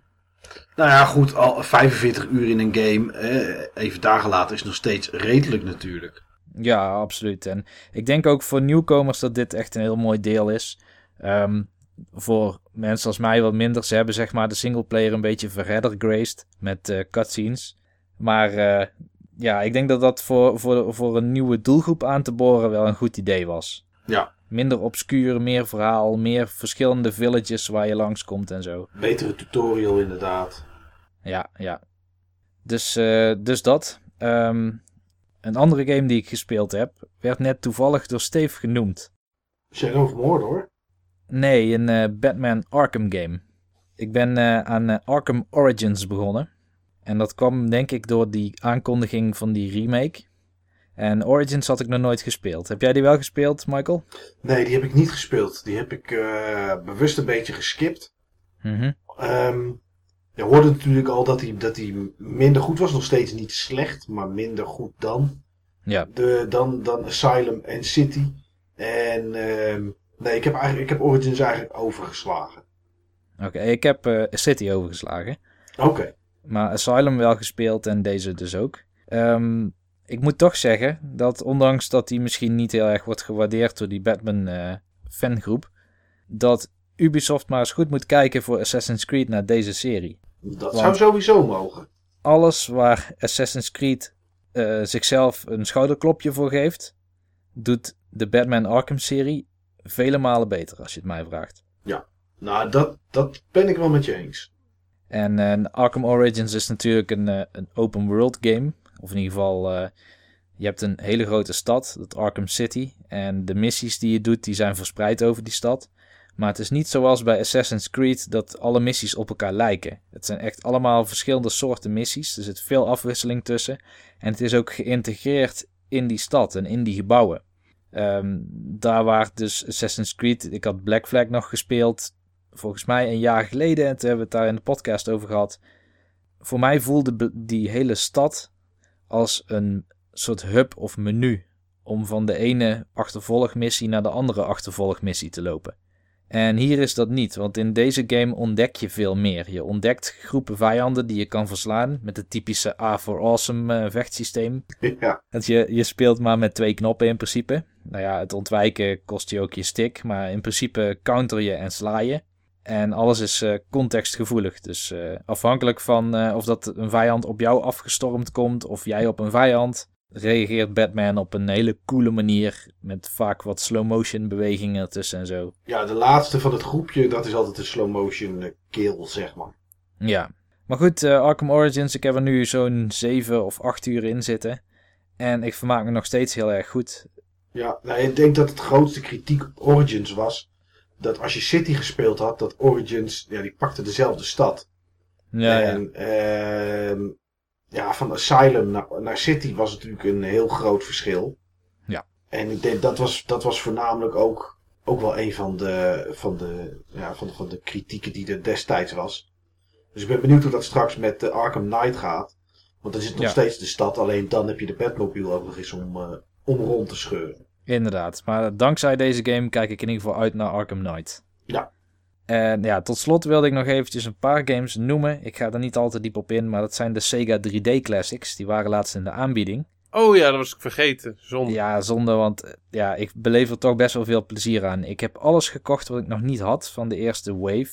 Ehm, ik weet niet uit mijn hoofd welke games er allemaal bij zaten, maar ik heb in ieder geval Altered Beast gekocht, wat echt een suck game is nog steeds. Daar verandert dat 3D Classics gedoe eigenlijk niks aan. Ik begrijp ook niet waarom ze die game gingen remasteren. Ja, het is wel gewoon een game die nostalgisch is voor veel mensen. Omdat het natuurlijk een eerste game was bij een Genesis of Mega Drive. Ja. Ja, dat wel, maar het is ja, zo legendarisch slechte game. Maar ik heb ook Shinobi 3 gekocht en dat is wel echt een toffe game. Ja, dat is een toppetje. Ja, ik, had, ik heb vroeger nooit iets gehad met die Shinobi games, maar ehm, ik ben ze nu toch eens gaan spelen, toch omdat je onderweg bent. En het speelt toch als een soort hele, ja, het is geen Ninja Gaiden. Dat zijn wat snellere actiegames. Hier moet je toch wat voorzichtiger zijn. Eh, maar ja, desalniettemin toch hele leuke games en eh, bijzonder mooi ook om in 3D te zien, moet ik zeggen. Veel lagen gebruiken ze in de diepte. Maar ja, de ster is eigenlijk Outrun. Dat was de reden dat ik eh, weer opnieuw naar die 3D Classics ben gaan kijken. Outrun kwam een week of twee geleden uit. En daar hebben ze een prachtige 60 frames per seconde versie van gemaakt. Ja, dat speelt als een droom. Ik was vroeger heel slecht in Outrun. Ik ging altijd af. Ik kon nooit. Ja, je- misschien ken je het nog wel, hè? Het, je kan steeds een richting kiezen, een aftakking. Ja. Ik kan zeg maar nu die race afmaken. Ik kom ooit bij de finish. Oké. Dat heb ik vroeger nooit gekunnen. Nee. nee, het was inderdaad eh, kies je voor links of voor rechts. Als je aan kan rijden richting de finish. Maar ik heb zo vaak dat ik net één of twee seconden voor de finish. dat mijn autootje stopte en dat het gewoon afgelopen was. Ja, heb ik zo vaak ook gehad. met van die, van die checkpoints onderweg. Ja. En de ene afsplitsing is de andere niet. Hè? Dus het kan best zijn dat jij tussen de weilanden rijdt in een van die routes. En bij de andere routes rij je tussen twee hele smalle muren waar je ook nog eens vrachtwagens en auto's in moet halen. Dus eh, tja, ja, ik vind het in ieder geval desalniettemin echt een hele coole game. Ja. En wel iets wat ik gewoon af en toe op kan pakken. Ja, Outrun was gewoon, was altijd al heel tof. En dat zal het ongetwijfeld nog steeds zijn. Ja, nee, gaaf. Gaaf dat, eh, dat je die game op deze manier weer hebt eh, kunnen beleven. Maar jij, Steve? Eh, ik heb aardig wat gespeeld. Met je buurman. Met mijn buurman. Even denken wat ik, eh, wat ik verder allemaal ga noemen. Ehm, ja, ik heb sowieso een game eh, gespeeld waar, eh, waar jullie best wel bekend mee eh, zijn. Die heb ik zelfs tegen één van jullie gespeeld. Dat was Mike. Oh, tuurlijk, ja. Ja, ja. Dat was eh, Hearthstone. Eh, een collega van me, die, ehm, ja, daar stond ik mee te praten over, eh, over games. En hij bleek op dat moment fanatiek Hearthstone te spelen. En had twee andere collega's had hij aangestoken met het Hearthstone-virus. En toen begon ik- toch wel interessant te vinden. Ik was nooit van de, kaar, eh, van de card games. Ik heb ook nooit zoiets als Magic the Gathering gespeeld. En ja, ik ken het principe van een game als, eh, als Hearthstone. Het is echt zo'n eh zo'n diehard freemium game. Waarvan eh, voordat je het weet gewoon best wel veel of tijd of geld van je in zit. Of allebei. En dat soort dingen vermijd ik altijd toch wel omdat ik mezelf ken. En maar ik had toch zoiets van, joh, ik ga het gewoon proberen. Kijken of ik het leuk vind. En ik weet eigenlijk wel of dat het gewoon een goede game is. En dat de kans groot was dat ik het leuk zou vinden. Want ik hou van games van, van Blizzard. En ik vond het ook hartstikke leuk. Ik, eh, ik vind het echt een heel tof spel. Eh, zoveel kaarten, zoveel mogelijkheden. Ehm, je kan zoveel verschillende decks samenstellen. Eh, je kan zoveel verschillende decks tegen je krijgen. Ehm, ik vind het gewoon echt heel erg fascinerend om te zien wat, ja, wat mensen met hun deck doen. En hoe ze hun deck gebruiken. En wat voor strategie ze hanteren. Ja, ik vind het gewoon heel leuk. En wat ik er met name leuk aan vind, en dat is ook vooral wanneer ik hem speel. ehm, het is een game die in ieder geval bij mij eh, echt feilloos draait wanneer ik onderweg ben in het openbaar vervoer. Ik speel hem dan op mijn iPad, waarbij ik dan eh, connectie maak met mijn iPhone. Zodat ik zeg maar mijn 4G-verbinding deel met mijn eh, iPad. Werkt gewoon per- perfect. Ik ben tot nu toe nog nooit weggevallen. Ik heb één keer wat vertraging eh, gehad. En ik heb echt heel veel gespeeld op heel veel verschillende soorten trajecten.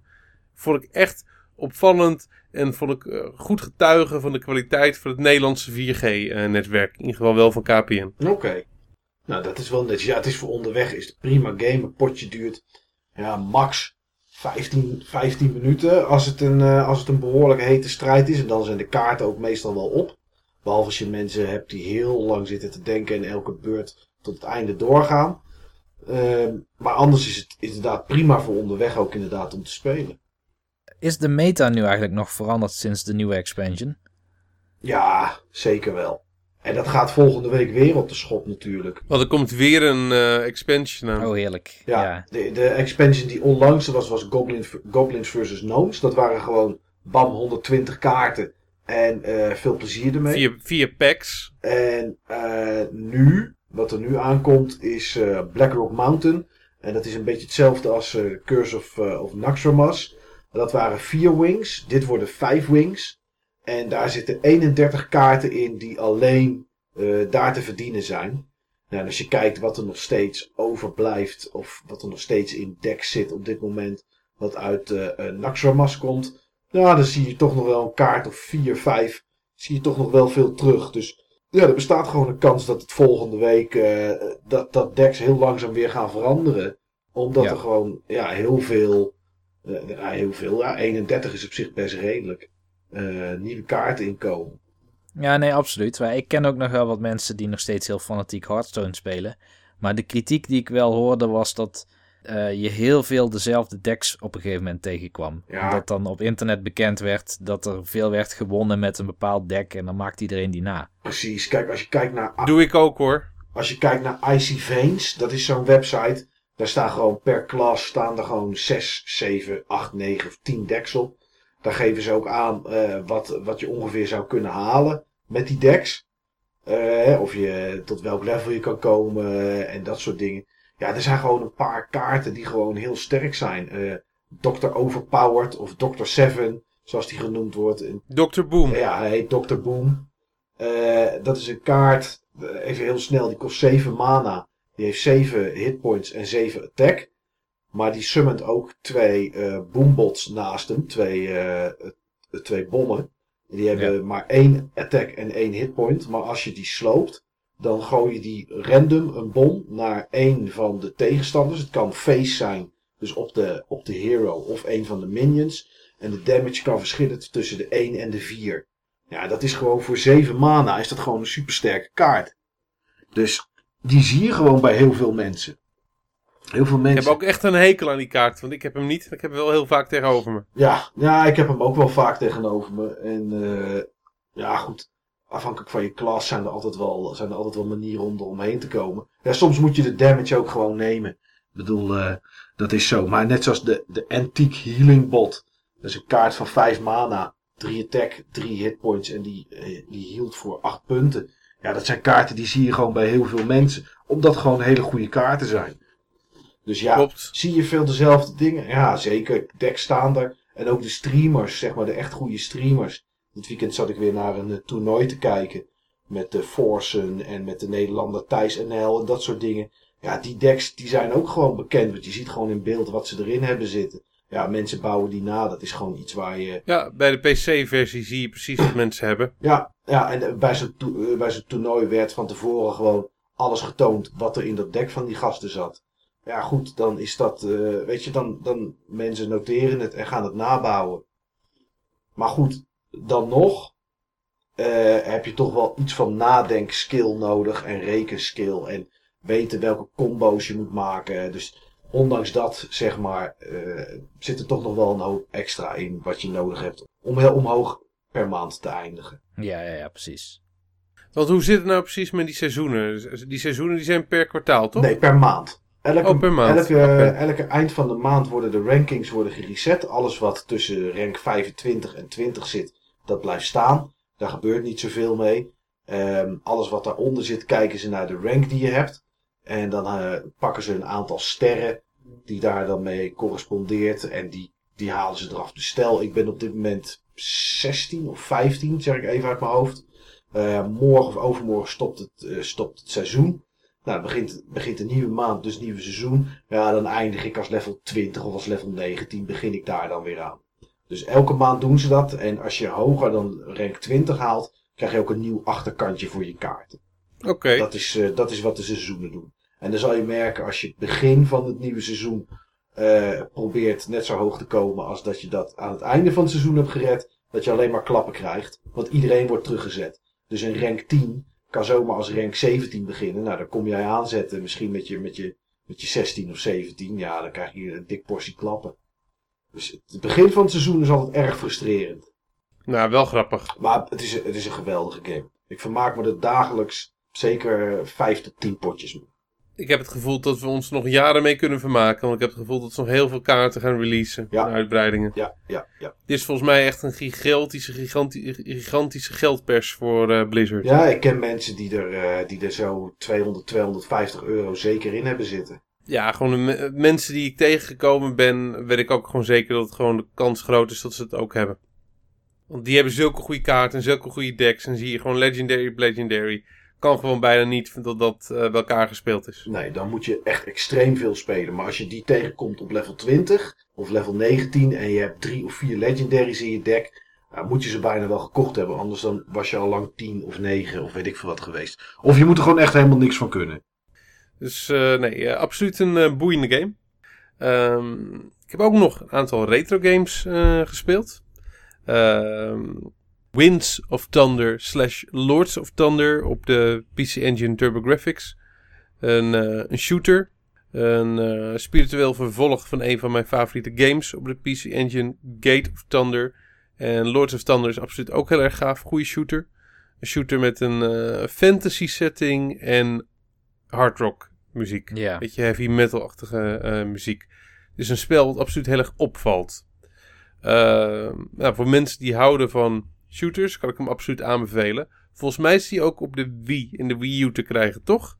In ieder geval zeker op de Wii, ja, want daar heb ik hem op. Ja. En eh, ja, natuurlijk via de backwards compatibility van de Wii U kun je, kun je hem ook Ja, daar. kan hem sowieso Ja. spelen. Maar hij is gewoon op de Virtual Console te krijgen. Zeker een aanrader. Ik vind het wel een van de mooiere shooters op de, op TurboGrafx. Ja, is het ook. Is het ook. Ehm, wat ik verder gespeeld heb, is een klassieker die al kort genoemd is eh, op de NES. Shadow Warriors. Oh ja. Ehm, Ja. Had ik eigenlijk zelf maar heel kort gespeeld. Maar eh, ik had iemand over de vloer en eh, die vond het leuk om een beetje er doorheen te praten. En die wou zelf niet spelen. En volgens mij ben ik tot 5-2 gekomen of zo, of 5-3. Best wel ver. Dat is ver, want het gaat maar tot 6-3 of zo. Ja, dus eh, ik, viel, eh, ik eh, verbaasde mezelf. Het is niet zo'n hele moeilijke game, hè? Nee, eigenlijk valt het wel mee. Hij is een beetje notoire geworden door de Angry Video Game nerd. Die zeg maar hem ja, echt als een hele bizar moeilijke game zeg maar heeft neergezet. Maar eigenlijk viel viel het me 100% mee. Ja. Ja, de eindbaas is heel moeilijk. Tenminste, ik heb hem nooit verslagen, maar Netrunner wel. En dan moet je steeds twee levels opnieuw doen als je daar afgaat. Maar voor de rest, ik ging ook best wel snel naar level 6.1 of zo. Volgens mij ben ik daar gestopt. Ja, maar eh, nou, sowieso eh, een van de betere NES-platformers. Ja, Eh. ik, ik- als je hem ooit tegenkomt, de sequel, dus deel 2, is misschien nog wel iets leuker. Heeft coole power-ups. Nou, ik, ik ga eens kijken, maar ik zie mezelf niet zo snel kopen. Want ik heb voor de rest geen nostalgische band mee. Ja, en dat heb ik eigenlijk altijd wel een beetje nodig met eh 8-bit games. Om het eh, echt tof te vinden. En hij is ook vrij duur, deel 2. ja, dat klopt. Maar eh, nou, dit is in ieder geval een leuke Ninja platform game. En toen ik toch, toen ik toch be- bezig was met de Ninja platform games, toen heb ik ook eh, Blue Shadow gespeeld. Oh, ja, ja, ja. ja. Ehm, echt een ander soort spel. Speelt toch wel in een ander ritme. En heeft ook een ander soort eh, sfeer. Eh, de muziek vond ik heel erg goed. Ehm, graphics vond ik ook goed. Maar hij wist me toch niet zo te pakken als, ehm, als Shadow Warriors. Nee, nee, inderdaad. Maar hij kan wel co-op, hè? Dat is ook wel weer leuk. Ja, en ik, heb, eh, ik heb hem ook koop gespeeld. Maar weet je wat het is met, met platformers? Mhm. Ik vind veel platformers co-op gewoon niet zo heel erg leuk. Ik vind platformers nou niet echt het beste genre om co-op te spelen. Ik ook niet. Je moet veel te veel op een ander wachten vaak. En, en of je staat elkaar in de weg tijdens het springen. Ik, eh, ik ben er ook geen fan van. Nee, ik denk dat dat ook een van de redenen was waarom ik eh Guacamele ook eh, minder vond. Want die had ik dan ook co-op gespeeld. Ah, oh, nee, maar die moet je echt niet co-op spelen. Nee. Nee. Maar in ieder geval wel gewoon uh, ja, een, uh, een dag dat ik twee van mijn NES games die ik al jaren heb voor het eerst allebei uh, gespeeld heb. En ook in eentje echt ver ben gekomen. Ja. nou, naast de retro games heb ik in ieder geval ook met heel veel, heel veel plezier een moderne game gespeeld. En dat is een game die hoog op mijn Game of the Year lijst van vorig jaar had gestaan. Als ik hem vorig jaar al had gespeeld. Dat is een game die vorig jaar is uitgekomen. Uh, ik heb hem al kort genoemd in de vorige podcast. Nu kan ik hem uitgebreid uh, noemen, want nu heb ik hem uitgespeeld. Dat is uh, The Wolf Among Us van Telltales. Op, in, op in mijn geval de PS4. Maar in principe is het ding overal op uitgekomen. En jongens, wat een geweldig verhaal heeft die game. Als we ooit nog eens een keer een, um, een special over, op gaan nemen over de games met het beste verhaal is het een game die ik absoluut ook uh, ga noemen. Ik was echt gewoon mesmerized uh, door sommige plot twists en sommige dingen die, uh, die gebeurden. En de hele vijfde episode vond ik echt gewoon mindblowing. Ik vond het echt geweldig. Echt geweldig. Ja, ik, ja, ik, ik, weet het niet, Steven. Ik zag dat er een aantal mensen op het forum inmiddels ook aan de Wolf begonnen waren. Omdat jij ze een beetje had opge, opgehyped, zeg maar. Met jouw enthousiasme. En uh, die waren volgens mij ook tot nu toe wel, uh, wel tevreden. Dus uh, ja. Nou, dat is een goede zaak. Ja, zeker weten. Nee, ik, ik kan er helaas niet diep op ingaan. Want ik wil absoluut geen dingen spoilen van, van deze game. Maar er waren echt gewoon dingen die zag ik gewoon niet aankomen. Of die waren misschien heel kort mijn gedachten gepasseerd. En had ik zoiets van, nee. Had, uh, toch... had de butler het gedaan? De butler had het gedaan. Oké, nou ja, dan is het uh, ja. standaard einde inderdaad. Ja. Met, uh, met de chandelier in de hal. Ja, oké. Wie heeft Dr. Black vermoord? Ja. Ja. Dus nee, het was. ik vind het zulke gave karakters. En ik vind de sfeer die er in, de, in het spel zit, vind ik ook heel erg goed. Um, ik vond de vierde episode vond ik erg tegenvallen in vergelijking met uh, de derde episode. En, maar nadat ik de vijfde episode heb had gespeeld, begreep ik ook heel erg goed waarom de vierde episode nodig was. En wat de vierde episode in feite ook doet voor, uh, voor de vijfde episode. Verhaal technisch gewoon echt zo sterk. En een aantal uh, eigenlijk vragen die worden, worden gesteld over onze maatschappij en waar we op dit moment staan met onze maatschappij. Uh, waar je eigenlijk tussen de regels door gewoon wat je tussen de regels door kan, uh, kan lezen. En waar toch wel een extra laag in zit. Ook gewoon qua, qua storytelling en dingen die je jezelf af kan vragen. Nee, ik vond het echt um, in vergelijking ook met uh, The Walking Dead, wat ik ook een heel leuk spel vond. Vond ik dit echt uh, mijlen beter. Mijlen beter. Ik had hierbij ook veel meer het gevoel dat mijn keuzes echt consequenties hadden. In plaats van dat Telltale via smerige trucjes die uh, consequenties te niet deed. Ik, ja, ik heb ook zeg maar um, een einde gezien van iemand die eigenlijk bijna de tegenovergestelde keuzes door het hele spel gemaakt had als ik.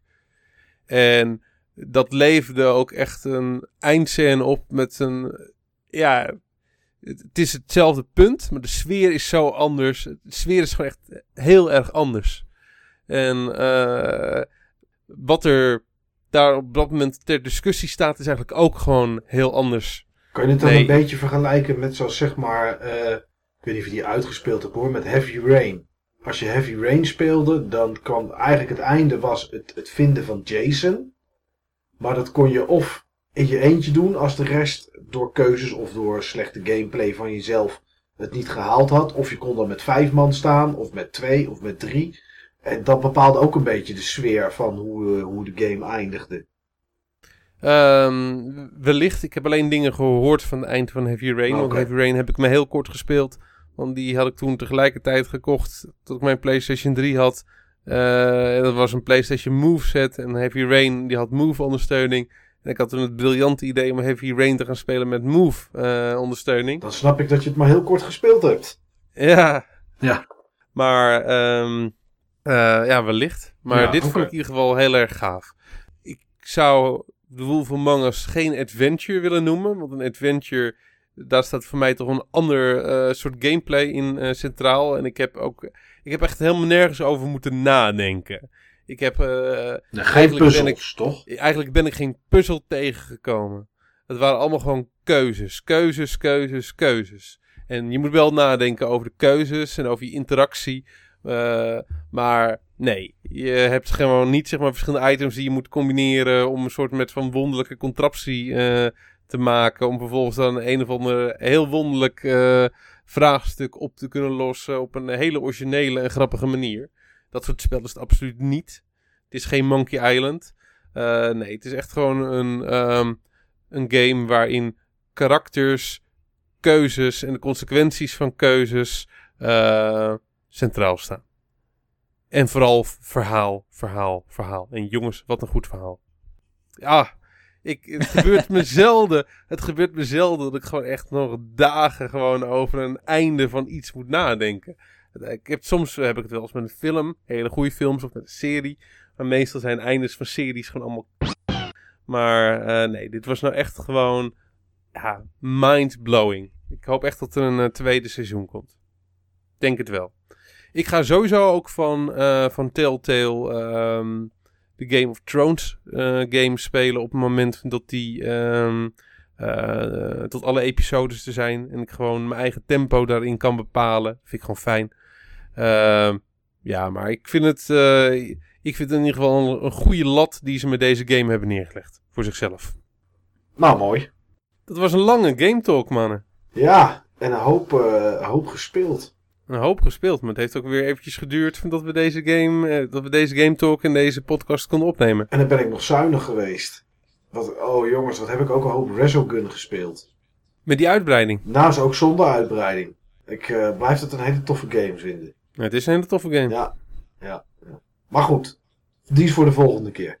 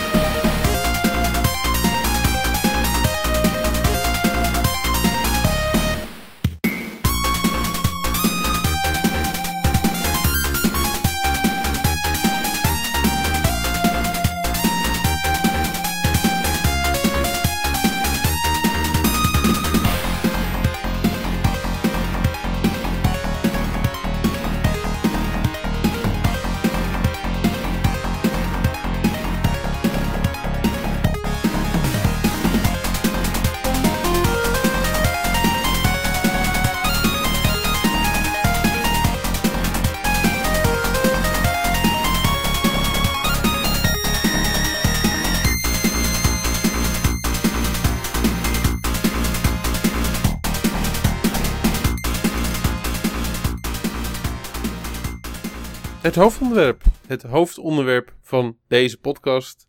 Censuur in games. Dat komt wel eens voor. Het komt wel eens voor. En het is al heel erg lang.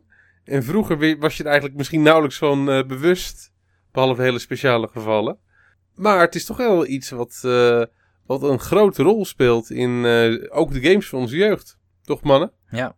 En dat weten we allemaal dankzij het grote boze internet. Ja, nou, vroeger wist je het ook wel, ehm, om meteen een voorbeeld aan te halen, in eh, gamebladen, waar bijvoorbeeld zowel Mega Drive als SNES werd gereviewd, kon je wel verschillen soms zien door eh, Nintendo policies bijvoorbeeld. Ik noem maar wat, Mortal Kombat met groen bloed.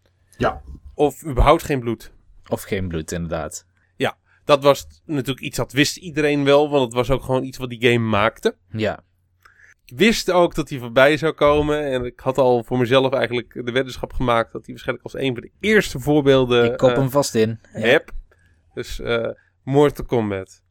Ja, er zijn zoveel voorbeelden, jongens. Maar eh, ik zat eh, van de week terug te denken wat mijn eerste game was waar ik zeg maar zelf een soort censuur bij merkte. En dat was voor mij was dat, eh, was dat Leisure Suit Larry. En dan was het niet ehm, de eerste, maar het was Leisure Suit Larry 3. En dat was Leisure Suit Larry Met, 3. met Patty. Ja, met met, Patty. Passionate Patty in Pursuit. Of en er zat nog iets achter, maar ik weet niet meer wat het was. En een hele lange naam was het. En misschien was het niet echt censuur, misschien moet je het niet zo opvatten, maar voor mij was dat het wel. Als je de game begon, dan moest je door eh, een stel verrekijkers kijken naar een, eh, naar een soort lamellen, naar een luxeflex. Daarachter stond een vrouw zich uit te kleden. En je kreeg iets van vier of vijf vragen. En het waren vragen die je eigenlijk als eh, ja, 13, 14-jarige gewoon niet kon weten. Iets over de Beatles. Iets over, eh, over hele oude eh, James Bond films of dat soort dingen.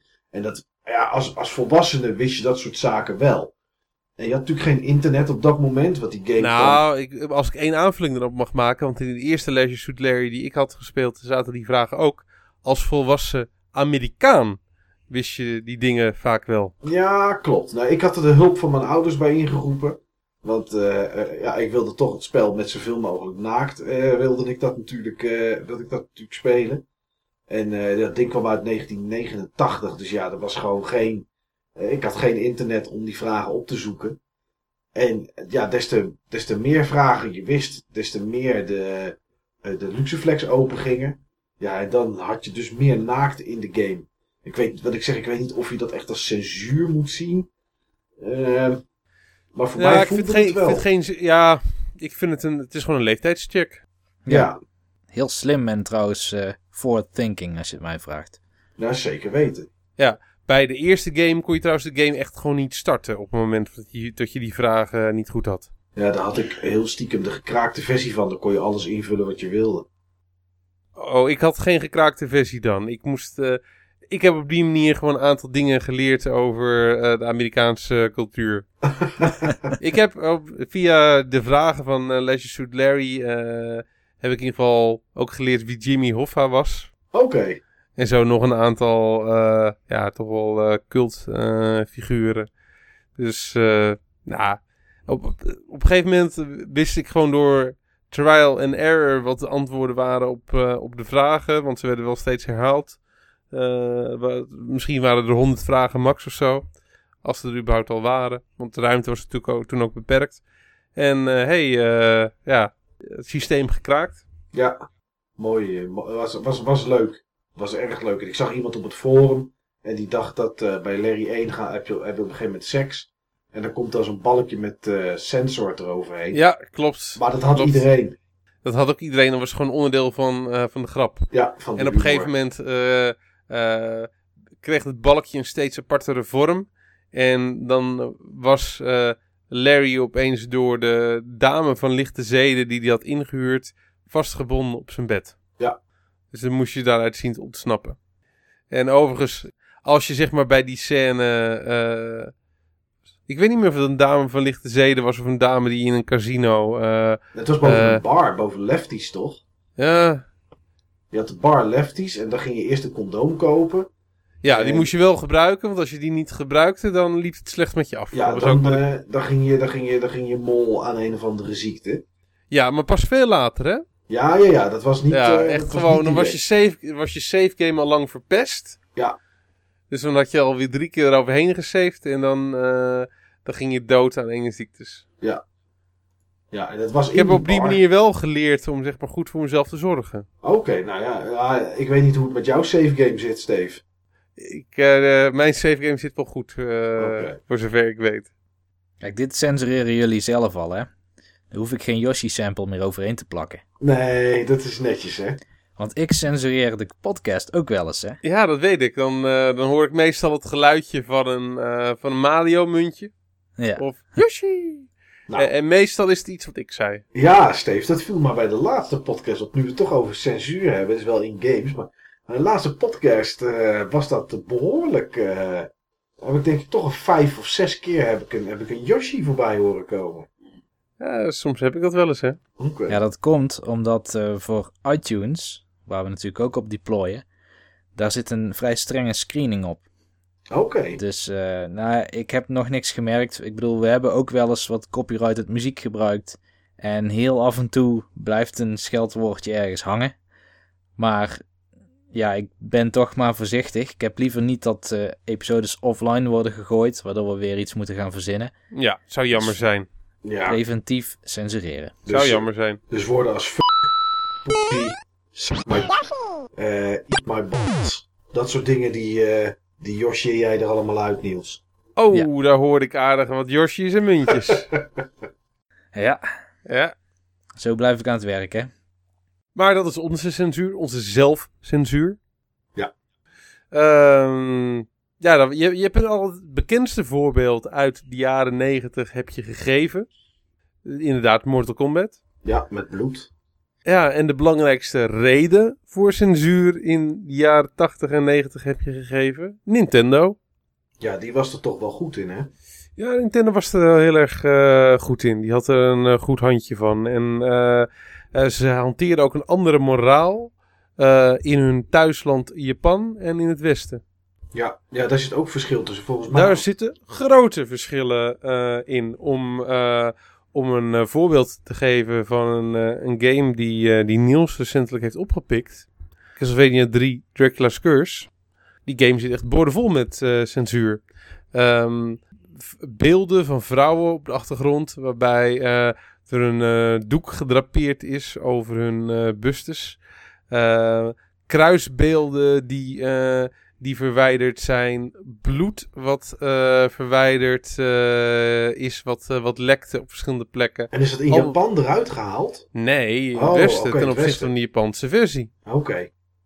Ja, Ik heb ook altijd het gevoel dat, dat ze daar, ik weet in ieder geval dat China dat, dat heeft. Ik weet niet of Japan dat ook heeft. Zodra het iets met skeletten is, dan kan het ook niet. In China hebben ze dat. Want daar Is, is dat zo? Ja, daar kwamen bijvoorbeeld eh, eh, uitbreidingen van World of Warcraft. kwamen in China later uit of niet uit. Omdat daar skeletten in zaten. Oh, Ja, ik weet niet precies waarom het is. Misschien had ik het van tevoren even op moeten zoeken. Maar dat is, dat is, dat is gewoon zo. oké, wist ik niet. Ja, dat, is, eh, dat heb ik heel vaak heb ik, heb ik gelezen. Dat ze, daar, eh, dat ze dat daar uithalen. Tja, ja, wat, wat ik ook heb gelezen toevallig vandaag toen ik me ging verdiepen in dit onderwerp, is we hebben allerlei NES-games gehad in die tijd, waar je echt niet van zou verwachten dat ze gecensureerd waren, omdat er, ja, eigenlijk weinig in gebeurt. En toch zijn ze om de raarste kleine dingetjes, die misschien niet eens zo gewelddadig of eh, bloeddorstig zijn, zijn ze gecensureerd. Ik noem bijvoorbeeld een eh, Ice Climbers. In de Japanse versie kon je daar zeehondjes slaan met je hamer. Oh ja, dat En die klopt. zijn Ja. eruit gehaald. ja, dat zijn Yetis of zo geworden of iets bij ons. Ja, ik, ik weet niet precies wat het zijn geworden. Ja, Yetis ik speel die game niet, maar eh, het, ik vond het grappig om te zien. En eh, ja, op de SNES Super Mario World, in de Japanse versie kun je die dolfijnen inslikken met Yoshi, maar in de westerse versie niet. Je kan dat niet natuurlijk, hè. Nee, daar kan het wel. Daar trekken we de grens, zeg maar.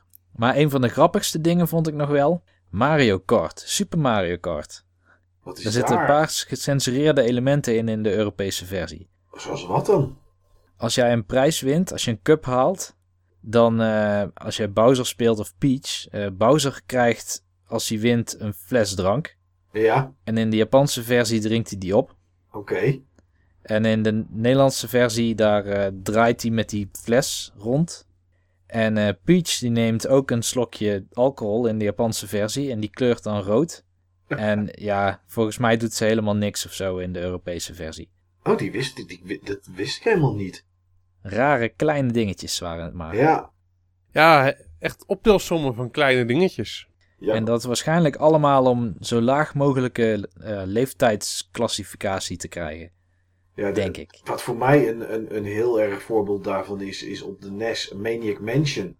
In, eh, Ja, geen, eh, geen chainsaw. Nee. En je kon de hamster niet in de magnetron doen. Nee, en dat, daar koop je die game toch voor? Ja, je wil de hamster van Ed. Of van Fred. Ik haal ze altijd door elkaar. Of net. Ja. Die, of Edna. Nee, het was niet van de vrouw. Maar die wil je, die wil je, ja, die wil je gewoon in de magnetron doen. Dat heeft helemaal geen nut. Maar ja, dat is, dat is de humor die in Maniac Mansion zit. En eh, dat is eruit gehaald. En volgens mij is ook het skelet wat in de kelder ligt, eh, is eruit gehaald. Zo zijn er nog een aantal dingetjes uit, eh, uit Maniac Mansion gehaald. En ik zat natuurlijk vandaag zat ik een beetje te zoeken naar dingen die, mij, die me opvielen. En eentje die ik niet wist, en ik weet niet of jullie hem wel weten, en dat was ook op de NES, Bionic Commando. Oh ja, Oh ja, dat, die die, weet wou ik. ik juist inbrengen. Oh, dat is, dan mag jij dat doen, Steve. Dan knipt dat mijn stukje er maar uit. Nee, nee, nee. Jij hebt hem nu genoemd. Ja, Nee, eh Bionic Commando is een game uit mijn jeugd. En ehm, eh, waarin je het zeg maar als bionische commando eh, opneemt tegen een totalitair regime. Eh, wat, ehm, ja, wat toch wel echt fascistische roots heeft. Ze hebben ook een logo met een, met een adelaar. Volgens mij heten ze The Bats in Ja. eh Bionic eh, Commando.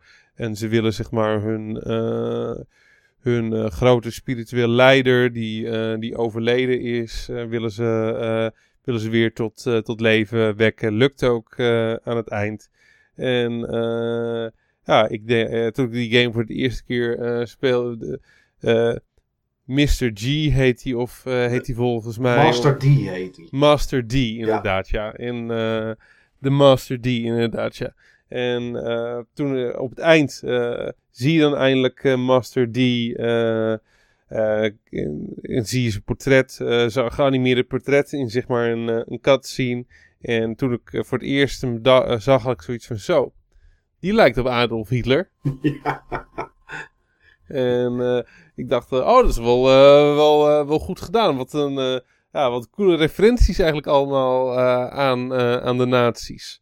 En ehm, later, inderdaad, toen ik internet had, toen zocht ik dingen op van Bionic Commando. En dat bleek het, van dat het zeg maar in, ehm, in de Japanse originele versie neem je het niet op tegen de bads. Nee, neem je het gewoon op tegen de nazi's. Ja. En eh, niks adelaars, de swastika's. Ja, en Master D, dat was gewoon echt gewoon... Adolf Hitler. Ja. Ja. En de game heette daar ook anders, hè? die heette volgens mij ook iets met Adolf Hitler, toch? Hij heette The Top, Return of Adolf Hitler of Top zo. Secret, The Resurrection of Hitler. Ja, Dat was, de, dat was de vertaalde naam inderdaad. Niks Bionic Commando. ja.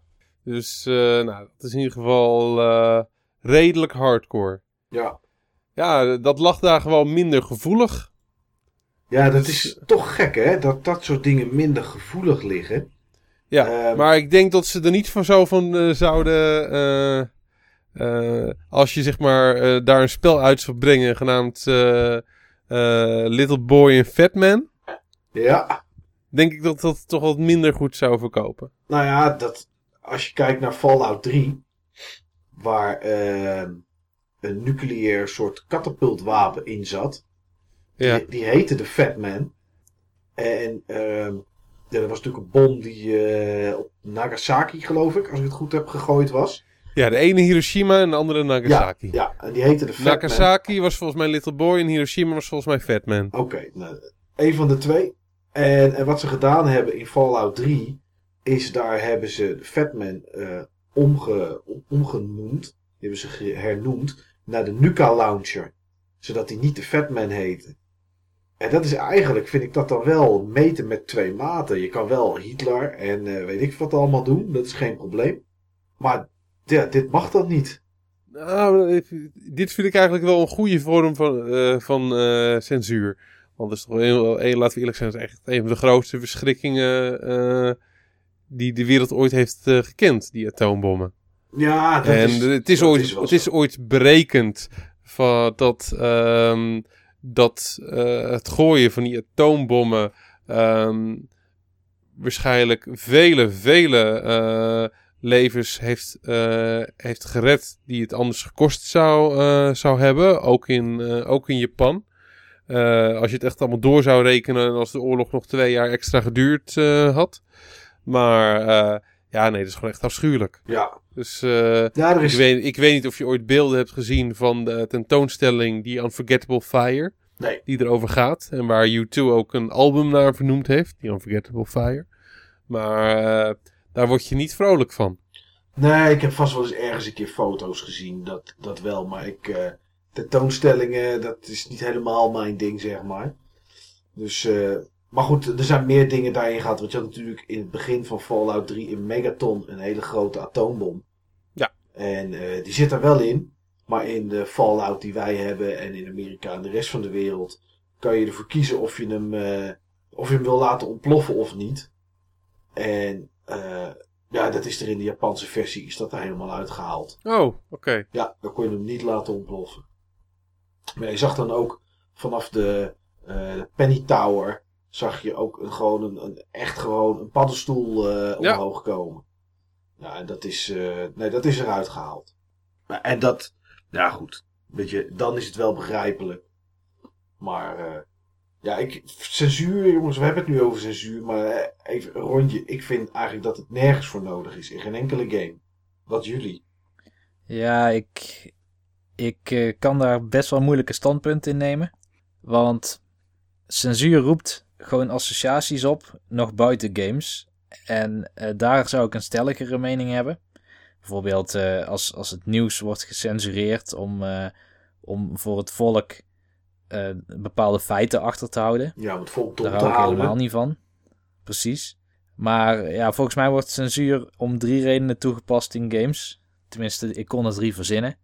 Eén is culturele gevoeligheid. En dat, dat is dus ook het voorbeeld wat je net gaf met, eh, met Fallout 3. Ja, Eh, hoe ver je dat door moet trekken, weet ik ook niet hoor. Want eh, om maar een voorbeeld te noemen. Ik kijk wel eens ooit een programma dat heet eh, Levenslang met Dwang. ja, En daar zitten een aantal jongeren en wat ouderen in die zelf een trauma hebben opgelopen. En dus ontzettend grote angsten doorstaan als ze daarmee geconfronteerd worden. Of allerlei handelingen verrichten om eh, een angst of een, een, laten we zeggen, een, ja, iets te voorkomen. ja en daar zit één meisje wat in. Ze zelf, wat ze zelf denken in ieder geval. Precies, wat Ja. ze zelf denken. Er zit één meisje in en die kan niet tegen de kleur geel. Ja, klopt. Die kan het niet zien en die kan het niet horen. Is En- ze in een vorig leven misschien groene lantaarn geweest? Nee, ze heeft in de bananenbar gewerkt. Nou, die, dat klinkt een beetje als Green Lantern, joh. Die eh, heeft ook natuurlijk zwakte, geel, Ja. gele objecten. Ja, Die heeft gewoon te veel Green Lantern strips gelezen.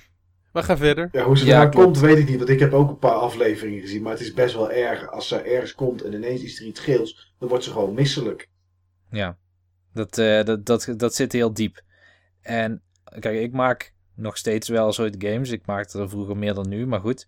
Als ik nu een game zou maken, vind ik dat heel erg voor een meisje. Maar ik ga niet met haar alleen rekening houden. Weet je. Ik ga niet de kleur geel niet gebruiken, omdat ik toevallig weet dat er één iemand in de wereld is die daar niet tegen kan. Nee, het zou een beetje een rare zaak worden. Ja, dan adviseer ik gewoon om, om die game maar niet te spelen. Er Maar zijn makkelijke oplossingen voor, inderdaad. Ja, en dat is de oplossing. Precies, maar waar trek je die lijn? Hoeveel mensen moeten ergens last van hebben voordat ik wel er iets aan ga doen? Nou ja, dat is natuurlijk met censuur. Is dat eh, hebben we de laatste maanden wel gezien. Dat is, heeft niet altijd met een groep te maken, maar vooral met wie het hardste schreeuwt. Of, of wie daar eventueel schietijzers bij zou kunnen trekken om, om Ja, iets te, Eh, aan te Hetzelfde, hetzelfde geldt inderdaad voor een eh, Zwarte Pieten discussie, inderdaad, ja. Ja. Dat is eigenlijk, eigenlijk niet anders dan, eh, dan de redenen voor veel censuur in games. Nee, Dat is zo. eh, ja, waar moet je die grens trekken? Ja. ja wat jij mij- zegt trek hem niet. Nee, wat mij betreft niet. Ik bedoel, ik heb ook hatred. Dat we ook heel veel mensen vinden dat verschrikkelijk. En zouden daar, nou, die willen niet eens censuur in die game. Die willen gewoon dat het helemaal niet uitkomt. Ik weet niet of je dat dan ook onder censuur moet zien. Maar eh, Ik vind in ieder geval dat de wereld eh, niks mist aan die game. nee, maar ik vind dat het, het rechter is ehm, als mensen dat willen spelen om dat te doen. En ehm, ik vind ook dat de wereld niks mist als de nieuwe Zelda niet uitkomt. En geen, geen enkele game zou de wereld iets aan missen als die niet uitkomt. Er is altijd wel iets anders. Of een vervanging voor. En ehm, ja, zo kijk ik er in ieder geval naar. Voor mij is, is en blijft het digitaal vermaak. Eh, en of dat nou wansmaak vermaak is of gewoon vermaak. Ik bedoel, er zijn ook mensen die zijn fan van de Koen en Sander show op 3FM. Ja goed, zeg ik ook niks van. Moeten ze lekker zelf weten. Maar voor mij, nee, voor mij is censuur eh, nooit. Zijn er dingen die te extreem zijn dan? Ja, ongetwijfeld. Er zijn ongetwijfeld. Ja, maar goed, dit, dit, dit is dan vooral zeg maar culturele gevoeligheid. Maar dan heb je nog eh, eventueel censuur voor leeftijdsclassificatie. Ja. Dat snap ik. Dat jij zo groot mogelijk doelgroep wil aanboren en dat je dan eh, toch maar iets, iets neemt of zo, of een thema verandert, zodat het in één keer wel door die rating systems heen komt. En wat ook nog zou kunnen, en ik ken er geen enkel voorbeeld van hoor, maar ik kan het me wel voorstellen, is dat je om juridi- juridische redenen censureert. Bijvoorbeeld als een IP of, of license niet verleend is in een bepaalde regio, dat je dat gewoon niet mag gebruiken. En dat zien we wel eens bij van die Japanse games, waar heel veel Japanse stripverhalen figuren in voorkomen.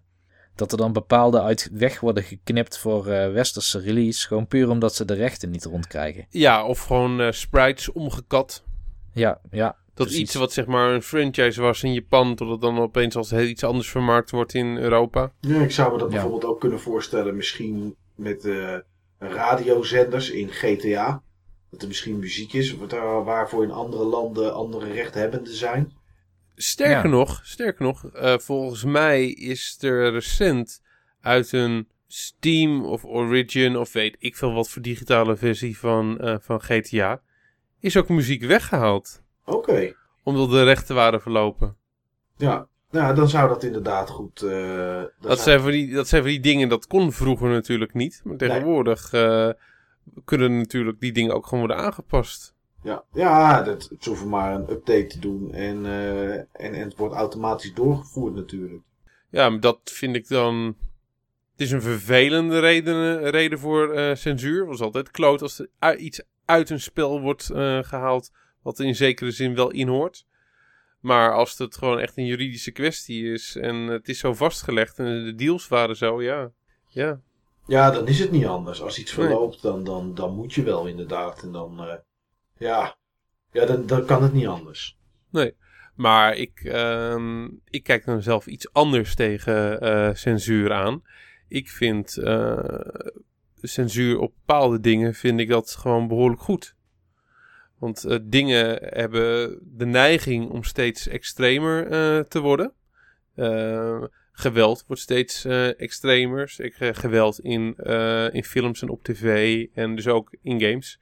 Ehm, seks wordt steeds extremer. dan praat ik zowel over seks in films als series, als videoclips, als ook hoe mensen echt dingen met een erotische lading zoals porno beleven. dingen worden gewoon steeds extremer.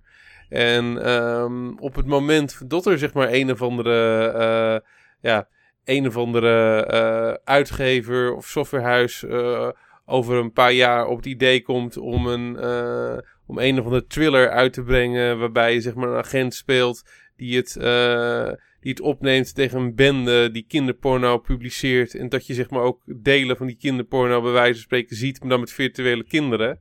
Ja, ook al is het zeg maar, uh, ook al zijn het allemaal graphics en ook al is het 4D art. Nou, ik hoef het toch echt niet te zien. En ik wil toch echt niet dat het bestaat. Nee. Het bestaat volgens mij in, uh, in Japan. Ah, het zal dus niet.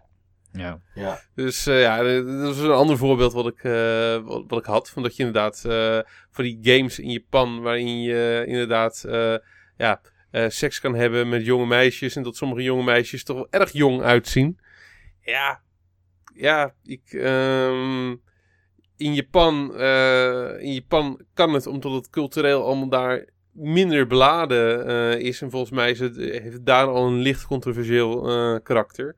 Dat zijn die dingen. Uh, ja, het geeft mij toch gewoon een oncomfortabel gevoel om. Um, om het is misschien heel dubbel. Kijk, in GTA doe je ook dingen waar je in het normale leven gewoon gevangenisstraf voor zou, zou krijgen. En vet ook. Maar op het moment dat dat soort dingen zijn, ja, het geeft me toch gewoon een ander soort gevoel. Nou ja, dat is, dat is heel persoonlijk iets. Ik hoef het ook niet. En de, de vraag, nu je het net noemde, zou ik denken, oké, hatred vind ik wel oké.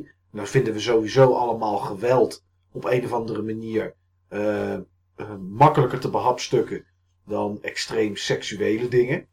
Tenminste, dat gevoel heb ik als, in de maatschappij. En zou ik vinden dat zoiets dan wel moet bestaan, zou, je dan moet, zou ik mezelf dan af moeten vragen, omdat ik hatred wel oké vind.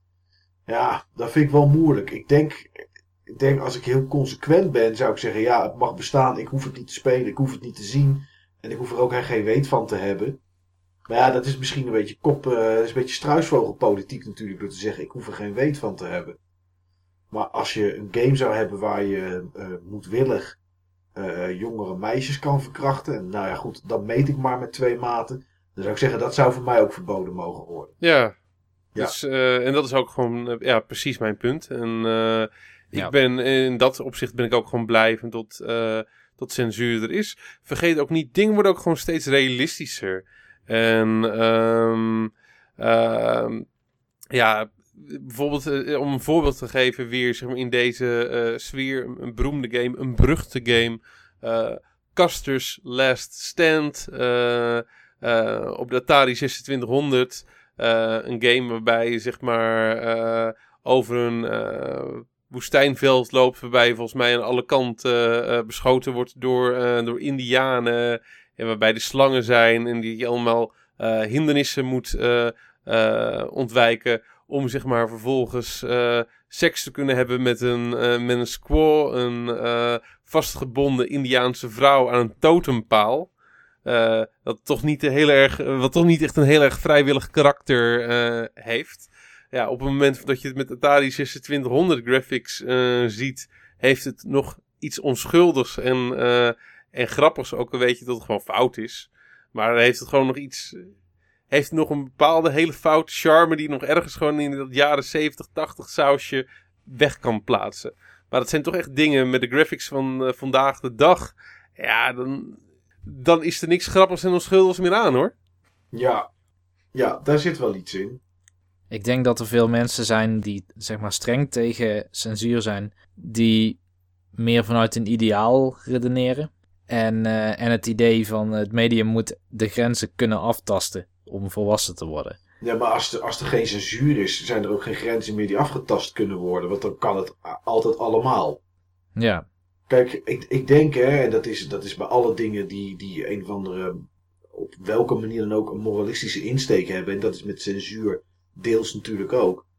Ehm, je gaat het spiegelen aan je eigen, aan, je, aan je eigen beeld en aan je, en aan je eigen omgeving. Zoals ik net zeg, eh, seks met, met, met jonge meisjes, ja, dan denk ik toch van, hé, hey, ik heb een dochter, eh daar zit ik niet op te wachten. Maar in Hatred, een gast met lange, met lange haren en een leren jasje die iedereen neermaait. Ja, weet je, dat, natuurlijk gebeurt het in de wereld. Hè, meer, meer dan we misschien weten. Maar dat is dan net even voor mijn gevoel iets verder van mijn bed. En ik denk dat daar, eh, dat, ik, dat ik daarom misschien Hatred wel eh, straks ga spelen. Want ik heb, ik heb het gepre-ordered. Special edition zelfs ook nog. Met een t-shirtje erbij. Eh, en de soundtrack. Maar puur ook om een beetje re- rebels te zijn uiteraard. ja. Ehm, maar zou ik inderdaad een game met eh, verkrachten van jonge meisjes en dan... Kijk, als je dat toe gaat staan, dan komt er natuurlijk straks een keer een, een, een stap bij. Waarin het heel veel meisjes zijn die dan tijdens die seks worden neergeschoten. Of hun keel wordt doorgesneden. Het gaat, het gaat natuurlijk op een gegeven Dat is moment... ook precies wat ik bedoel. Dingen worden steeds extremer. En als Ja. je zeg maar die grenzen overgaat. Grenzen hebben de neiging om steeds een klein beetje op te schuiven. Altijd. Ja. Dus dan heb ik liever dat de grens gewoon heel duidelijk en heel hard getrokken wordt. Dan dat we die grens met z'n allen verleggen. ik weet hoe het gaat en ik weet hoe mensen zijn. Ja, En we zijn, we zijn allemaal zo. En dat is hoe, eh, hoe bijna alle mensen alle gren met alle grenzen omgaan. Nou ja, dat is, ook, dat is ook zo. Dat is natuurlijk ook gewoon zo. Als je helemaal niet over censuur praat in games. eh, is ook met grafisch zo. Elke keer moet het weer een stapje mooier. Eh, de beleving moet elke keer een stapje beter. Elke grens wordt op een gegeven moment verlegd. En, en waar komt het door? Ja, omdat we het allemaal al een keer gezien hebben. Dat is waar, waar, waar dat door komt. Ik bedoel, eh, als je nu een, een, een actiefilm hebt waar mensen de keel wordt afgesneden. Ja, goed, weet je, je kan er misschien niet naar kunnen kijken, of in een game. Maar we hebben het allemaal al een keer gezien, joh. De games van vroeger en de games van, eh, van nu.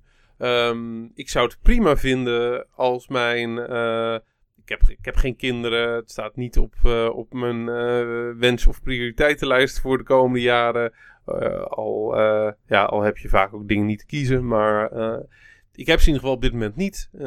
Ik zou het prima vinden als mijn achtjarig of negenjarig zoontje of dochtertje. Als hij Pro Protector of Contra zou, eh, zou spelen. Of, eh, of Super Smash eh, TV. Of gewoon een andere game uit het 8 of 16-bit tijdperk. Waarin op wat dan ook geschoten wordt. Ja, Ik zou het prima vinden. Ehm, maar een, ja, een game als, als Battlefield of Call of Duty of GTA.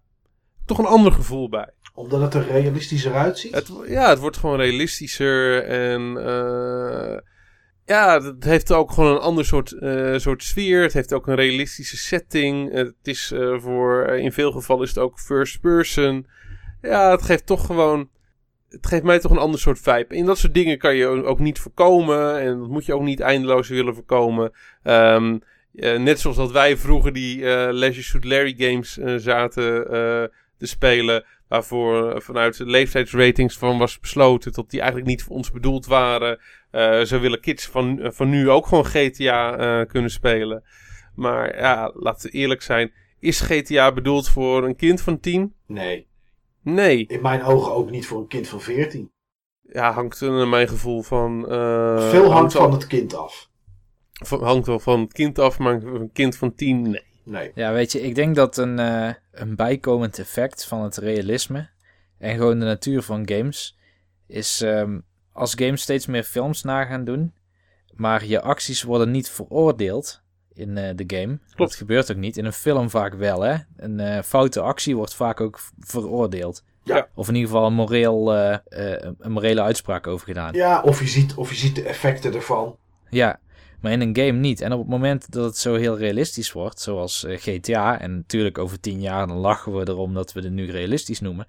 Maar dan kunnen het rolmodellen worden die nagespeeld gaan worden. Ja, net zo weer, uh, kom ik weer uh, met, met hoe dingen steeds extremer worden. Kijk naar de videoclips van, um, van 15 jaar geleden, die alleen maar na 11 uur s'nachts, 11 uur s'avonds afgespeeld mochten worden. Kijk naar verboden videoclips van, uh, van Prince en van Madonna.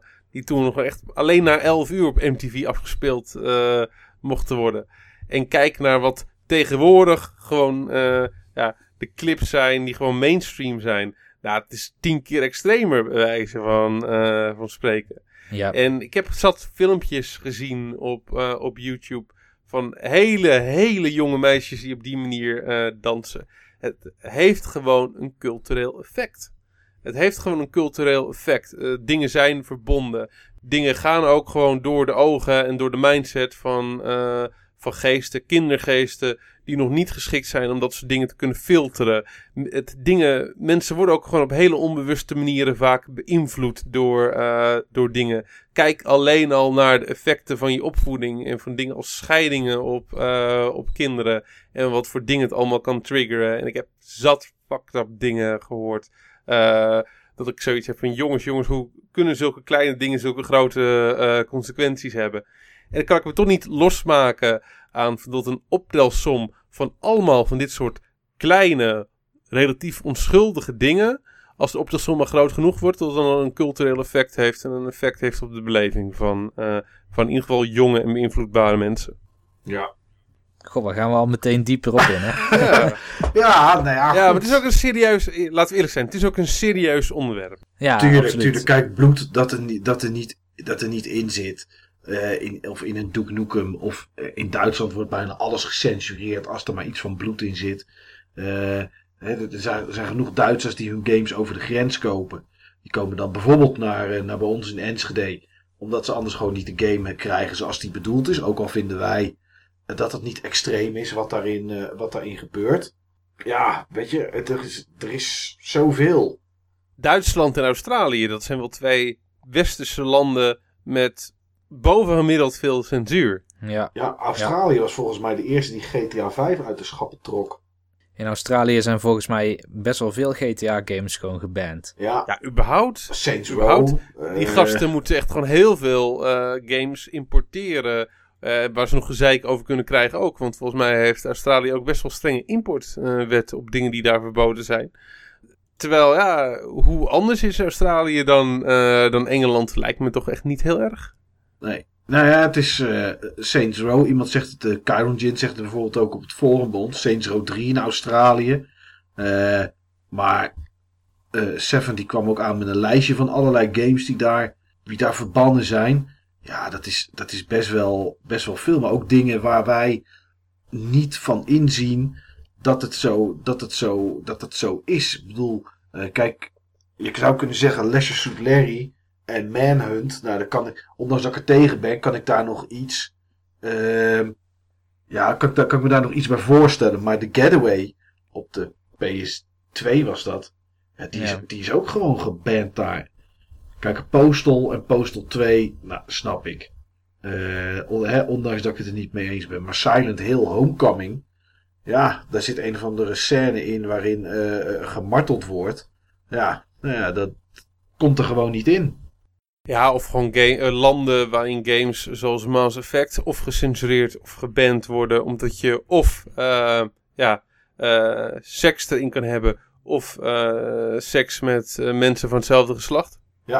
Ja, dat is natuurlijk ook nog, ook Ja. nog zoiets. Ik kan je wel zeggen, daar hou ik absoluut niet van, dat soort eh, censuur. Dat, maar dat is, het is allemaal heel scheef, want dit soort dingen wordt vaak ook heel erg bepaald. Ook gewoon door je eigen moraal en door je eigen kader. En, Ja, eh, dat is wat ik net zei. Kijk, je, Ja. eh, je zegt van ja, als er twee, twee mensen, twee gelijke geslachten met elkaar seks kunnen hebben en ze verbannen die game, dan vind ik dat niks.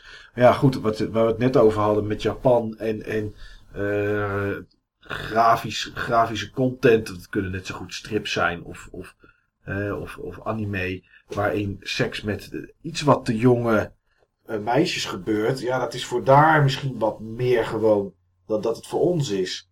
Dus ja, dat Het is. is allemaal heel erg dubbel. Het is allemaal Ja. heel erg dubbel. Ja, dat is het ook.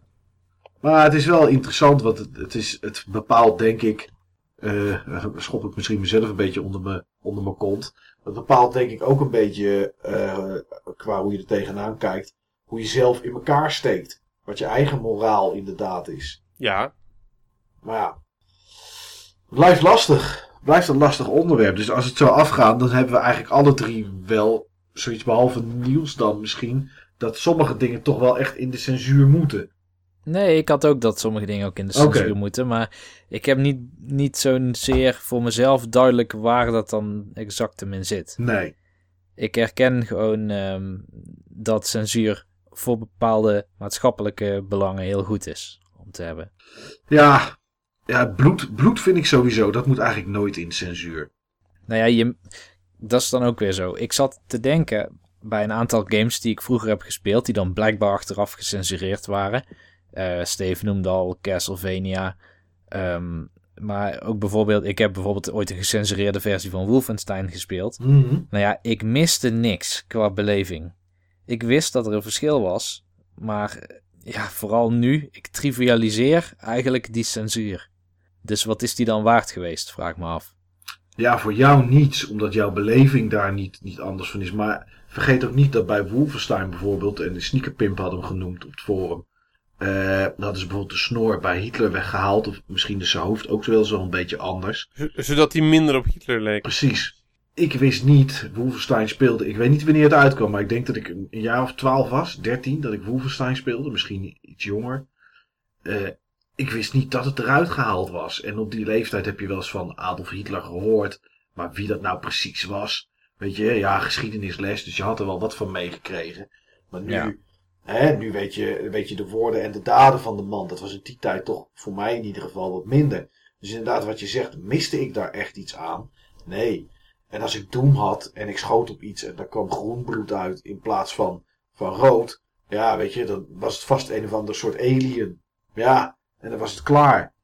Het is, de Mortal Kombat was wel de eerste waar ik het echt bij zag, omdat ik op de kast in de arcadehal, ja, daar kwam wel gewoon het rode bloed uit. Ja, Ja, en als je dat dan thuis speelt, Ja, ja, en natuurlijk die fatalities, hè. ja ook, ook, dat was natuurlijk ook zo, dat kon ook. Maar waren die er allemaal uitgehaald of waren er bepaalde uitgehaald? Dat weet ik eigenlijk niet. Ze waren volgens mij vervangen. Oké. Ja, ik zit te denken, maar ik weet niet wat ze in Mortal Kombat 1 hadden gedaan. Maar in 2 kon je wel iemands ruggengraat eruit Die trekken. zaten er, in twee zaten ze er wel gewoon Oh, eh, in. ja, ja. Oké, ik, zie, ik zie hier staan dat, ehm, dat eh, het bloed was vervangen door een soort van zweet. En de meeste fatalities waren vervangen door minder gewelddadige finishing moves. Dus ze zaten Oké, er ja, wel ja. in, maar ze waren gewoon wat minder gewelddadig. Wat trouwens ook op het forum werd gemeld, en dat bracht weer heel veel herinneringen naar boven, is die, die zogenaamde manier om op de SNES-versie van Mortal Kombat toch rood bloed te krijgen. Ja, zo'n eh, zo'n stuiver erop plakken, toch? Dat zou het gewicht van de kart net iets zwaarder maken, zodat het op een NTSC-cartridge zou lijken voor je console. En daardoor ja, de NTSC-versie, die zogenaamd wel bloed zou hebben, afspelen. Ja, dat is briljant. Ja, briljant. Briljant bedacht. Dat zoiets, dat zoiets Prachtige hoax. Prachtige Ja. hoax. Ja, hij stond in een Power Limited, kan ik me nog herinneren. Maar was er een manier, jongens, ik weet het niet eens, om bloed te krijgen? Met een code of zo? Of met een... Nee. Volgens mij wel op de Mega Drive versie. Daar staat het standaard geactiveerd of kun je het op een simpele manier activeren. Maar in de SNES-versie zit het gewoon echt niet erin. Zou je met een Een Game action, met een action replay kan je zeg maar dat, eh, kan je dat, eh, dat zweet gewoon volgens mij toch kleuren. Ja. Ja. Maar die fatalities krijg je er natuurlijk gewoon niet in. Want het zit er gewoon niet in. Nee, die fatalities niet, maar het bloed vraag ik me af. Ja, Je kan waarschijnlijk een palet aanpassen. ja, oké. Ja, ik zie hier wel een bladcode, maar ik weet niet of eh ABACABB. Dan zou je de Code of Honor zou je bij je opties krijgen. En, eh, of de Code of Honor screen zelfs, een heel, s- een heel screen. Maar of het zo werkte, ik weet het eigenlijk niet. Voor de Mega Drive neem ik aan. Ja, voor de Mega Drive, ja. ja, ja. ja. Ja, ja dat waren toch, eh, toch aparte dingen. Nou, welke ik trouwens ook apart vond, eh, dat, en dat is eigenlijk een beetje in later, want toen ik aan censuur dacht en aan dit onderwerp, dacht ik meer aan de games van vroeger. Omdat, wat Steve net al zei, hè, dan misschien de regels en de grenzen wat, eh, ja, wat strakker waren dan nu. Maar bijvoorbeeld The Last of Us op de PlayStation 3 had ook censuur in Europa. Wat, wat dan? Ehm, daar was het in de multiplayer mode was het niet mogelijk om lichaamsdelen van mensen af te halen en hoofden te laten ontploffen. Dat is er hier uitgehaald in Europa. Een beetje flauw. Ja, de dismemberment, zeg maar. Dus ik weet niet wat er een goed Nederlands woord over is. Maar het, ja, het, het verwijderen van, van lichaamsdelen. Li- lichaamsdelen, ja. ja. moet ik het dan maar even noemen. Dat was er hier uitgehaald. Oké. Ja. Was me niet eens opgevallen. Zo leer je weer nieuwe dingen. Ja, in de multiplayer was dat, er was een hoop eh, ellende over. Omdat we doorgaans in Europa denken dat we hè, dat hier meer kan en mag dan, dan in de States. Ja, dat dacht ik ook altijd voordat, zeg maar, eh, eh, South Park The Stick of Truth eh, zowel hier als in Amerika uitkwam. En tot ze, zeg maar, de anal probes verwijderd hadden in Europa. Dat is toch, eh, ja, ik snap niet waarom dat eruit gehaald is. Ik snap het echt niet. Nee. En zeker niet bij iets als South Park. Ik bedoel, dat past gewoon zo in de sfeer van South Park. En het past zo goed bij de doelgroep van South Park. Het zat ook gewoon in eh, het eerste seizoen van South Park. Ja, aflevering 1. Het, het zat in de eerste aflevering van Ja. South Park, inderdaad, ja. Ja, Dus, eh, en die was hier wel gewoon uitgezonden. Maar ik, ik vraag me dan af hè, of het dan bij dat soort dingen één land is. Wat er in Europa voor zorgt dat, dat het niet door kan gaan. En dat ze dan voor de makkelijkheid het voor heel Europa er maar uithalen. zoiets denk ik. Ja, ik denk Dat dat, vermoed het, ik. denk dat, Dat het vermoed ik. luiheid is.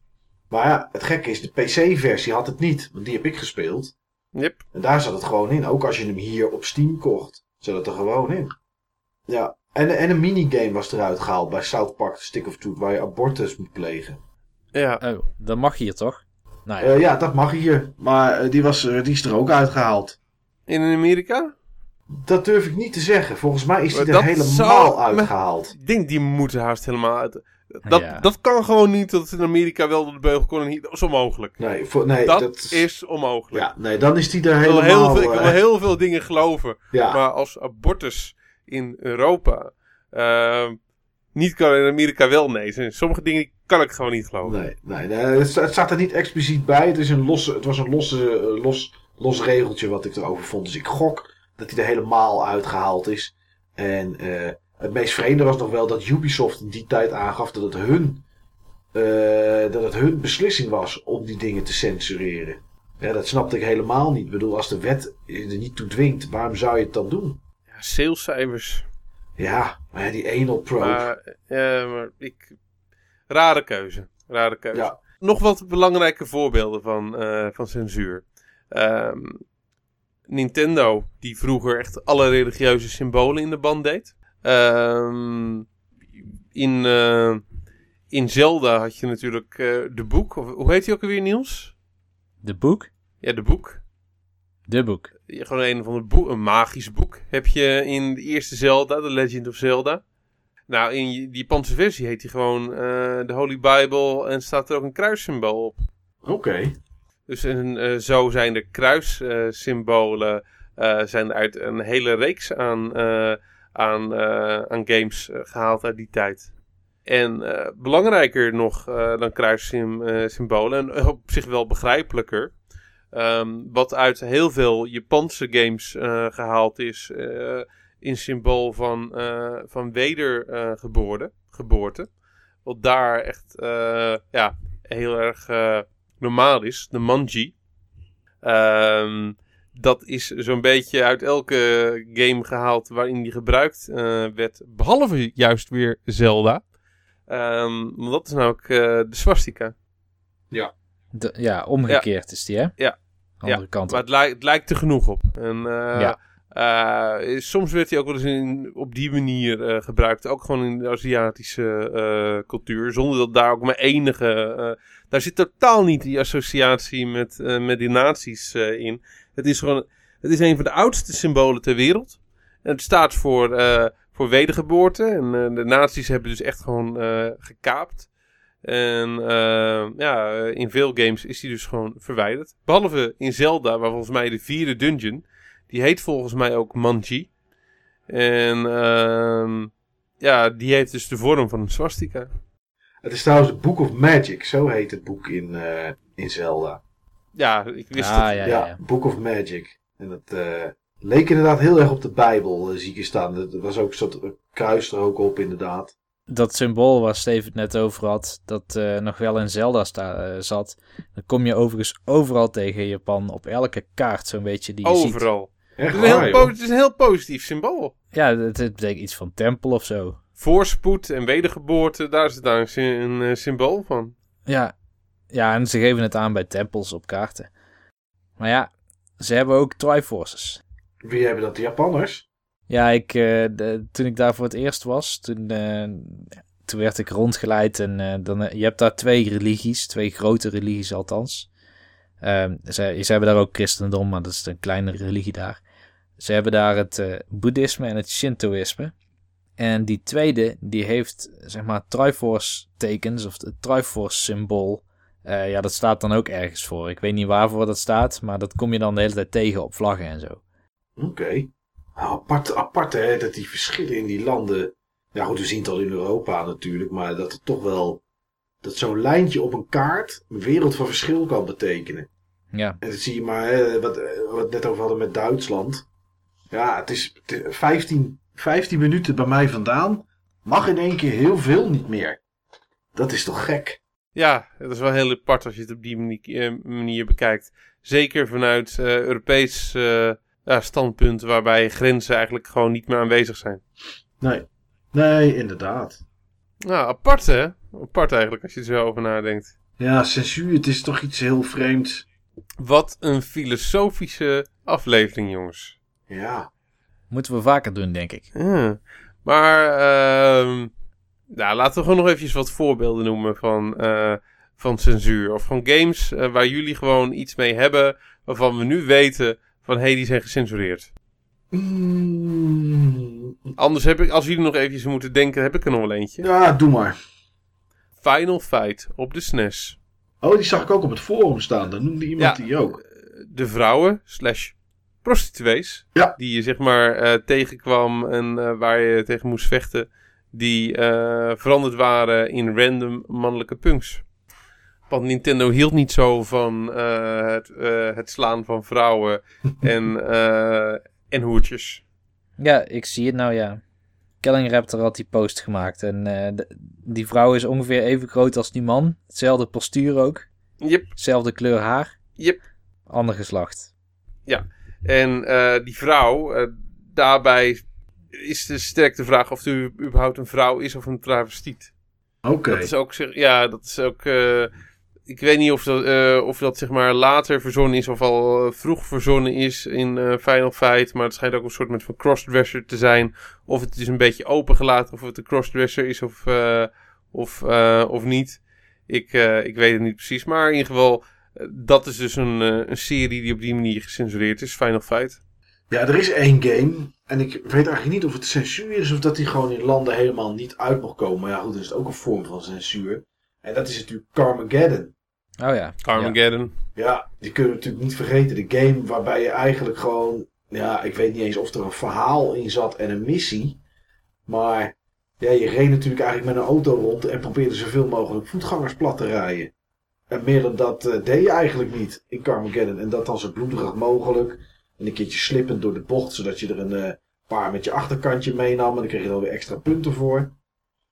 En als je dat, dat in ogenschouw neemt, ehm, als je Watch Dogs heeft het volgens mij, daar kan je natuurlijk in rondlopen en ook auto's in rijden. Daar is het niet mogelijk om een voetganger aan te rijden. Die springen allemaal en altijd uit de weg. En als je ze wel bij wijze van spreken zou raken, staan ze gewoon op en lopen ze verder. Omdat dat voor de rating eh, belangrijk was. Ja. En een oude klassieke adventure. En uh, ja, het kwam net volgens mij, ik weet niet of ik hem genoemd heb, ook al bij de lijst van Australië voor. Maar er zijn meer landen geweest. Duitsland mocht hij ook niet uitkomen. Dat was Phantasmagoria. Ik weet niet of even... Oh, die full motion videogame. Ja, Ja, ja, die full motion eh videogame, eh, eh, adventure was het.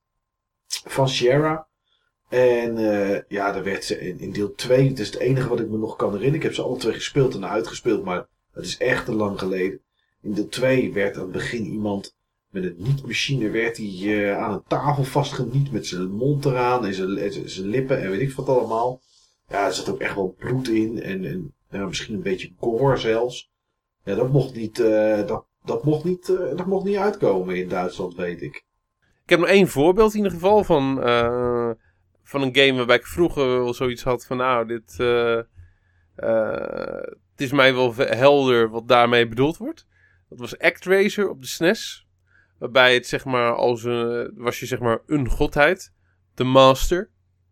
En nam je het op tegen Tantra, een soort met van demonische macht. En eh, in Japan speel je gewoon God, echt de christelijke God. En neem je het op tegen eh, Satan, Oké. de, bij, de Bijbelse Satan. Dus dan eh, he- hebben de beestjes ook gewoon echt een naam.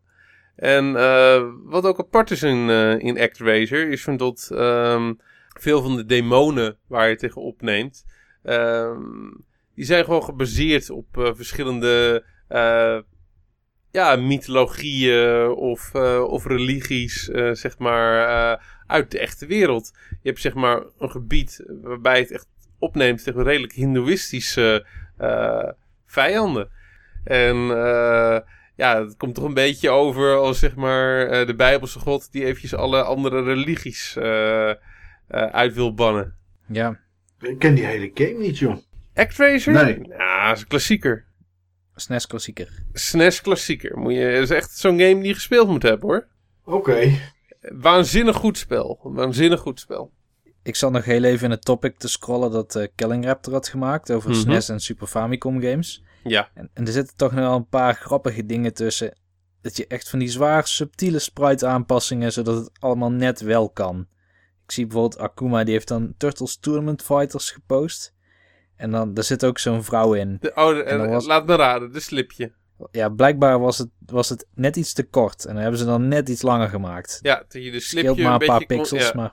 Nou, nu je dat zegt, Niels, dat hebben jullie natuurlijk ook gehad. Jij en Steven, jullie hebben dat veel gespeeld op de 3DS. Met die laatste Oh, Fire Ja. Emblem. Fire Emblem, ja. Ja, die kaart die ze aangepast hebben. Ja, en de DLC die uitkwam. Er zat een meisje Ja, in. dat is, een, dat is een kaart in de DLC, omdat ze er bedekt hebben. Ja, precies. Ja. Dat, eh, eh, dat, eh, dat gold meisje, ja, hoe heet ze ook weer? Nou, Ja, je boeit ook niet. Maar ja, dat klopt. Dat Ja. klopt. Ja, censuur is iets van, eh, van alle tijden. En soms gaat het ook gewoon echt helemaal nergens over. Dit zijn echt ook allemaal voorbeelden van censuur. Dat ik zoiets heb van, jongens, kom op.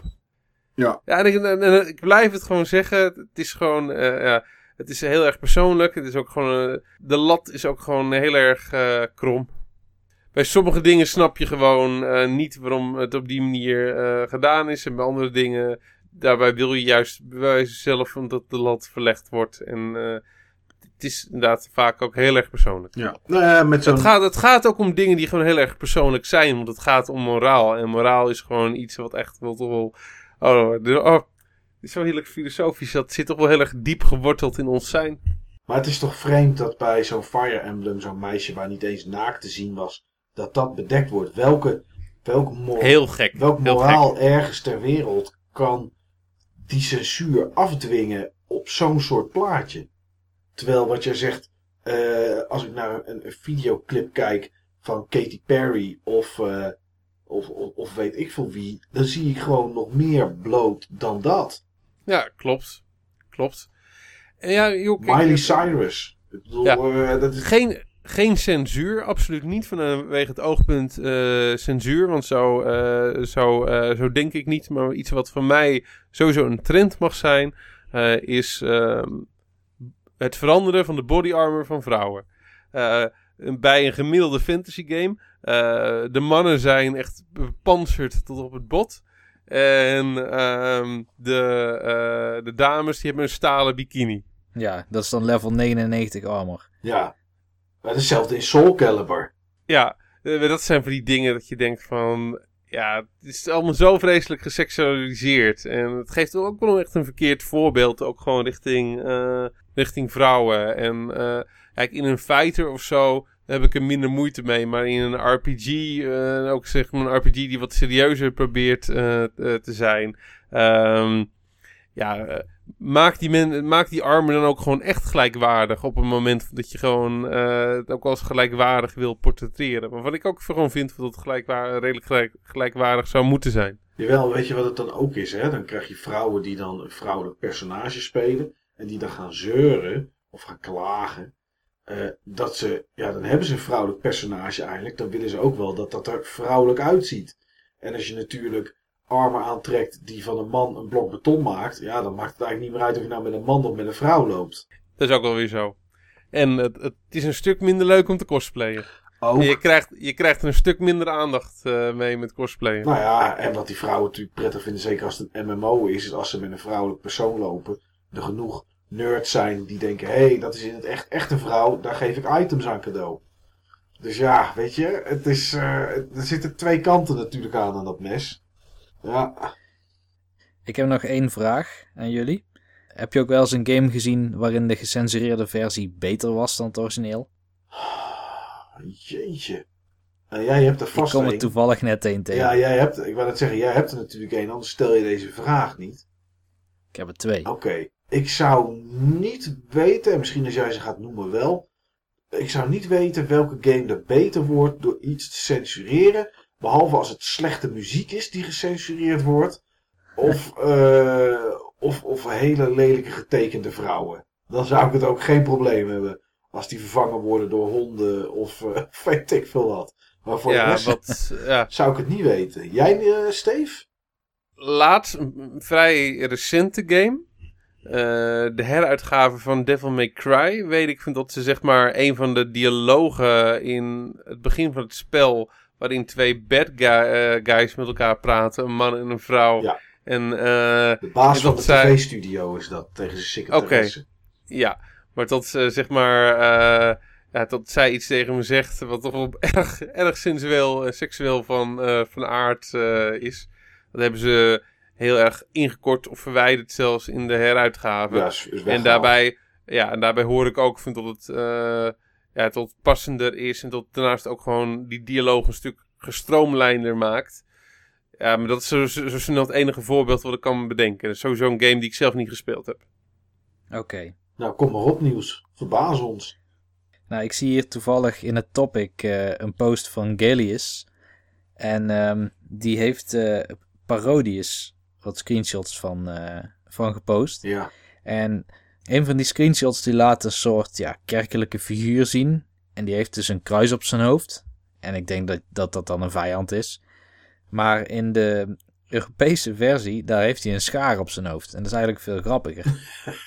Ja. ja, het is wel grappig, Het maar... past veel meer binnen dat Parodius-idee ook. Binnen, überhaupt binnen de IP.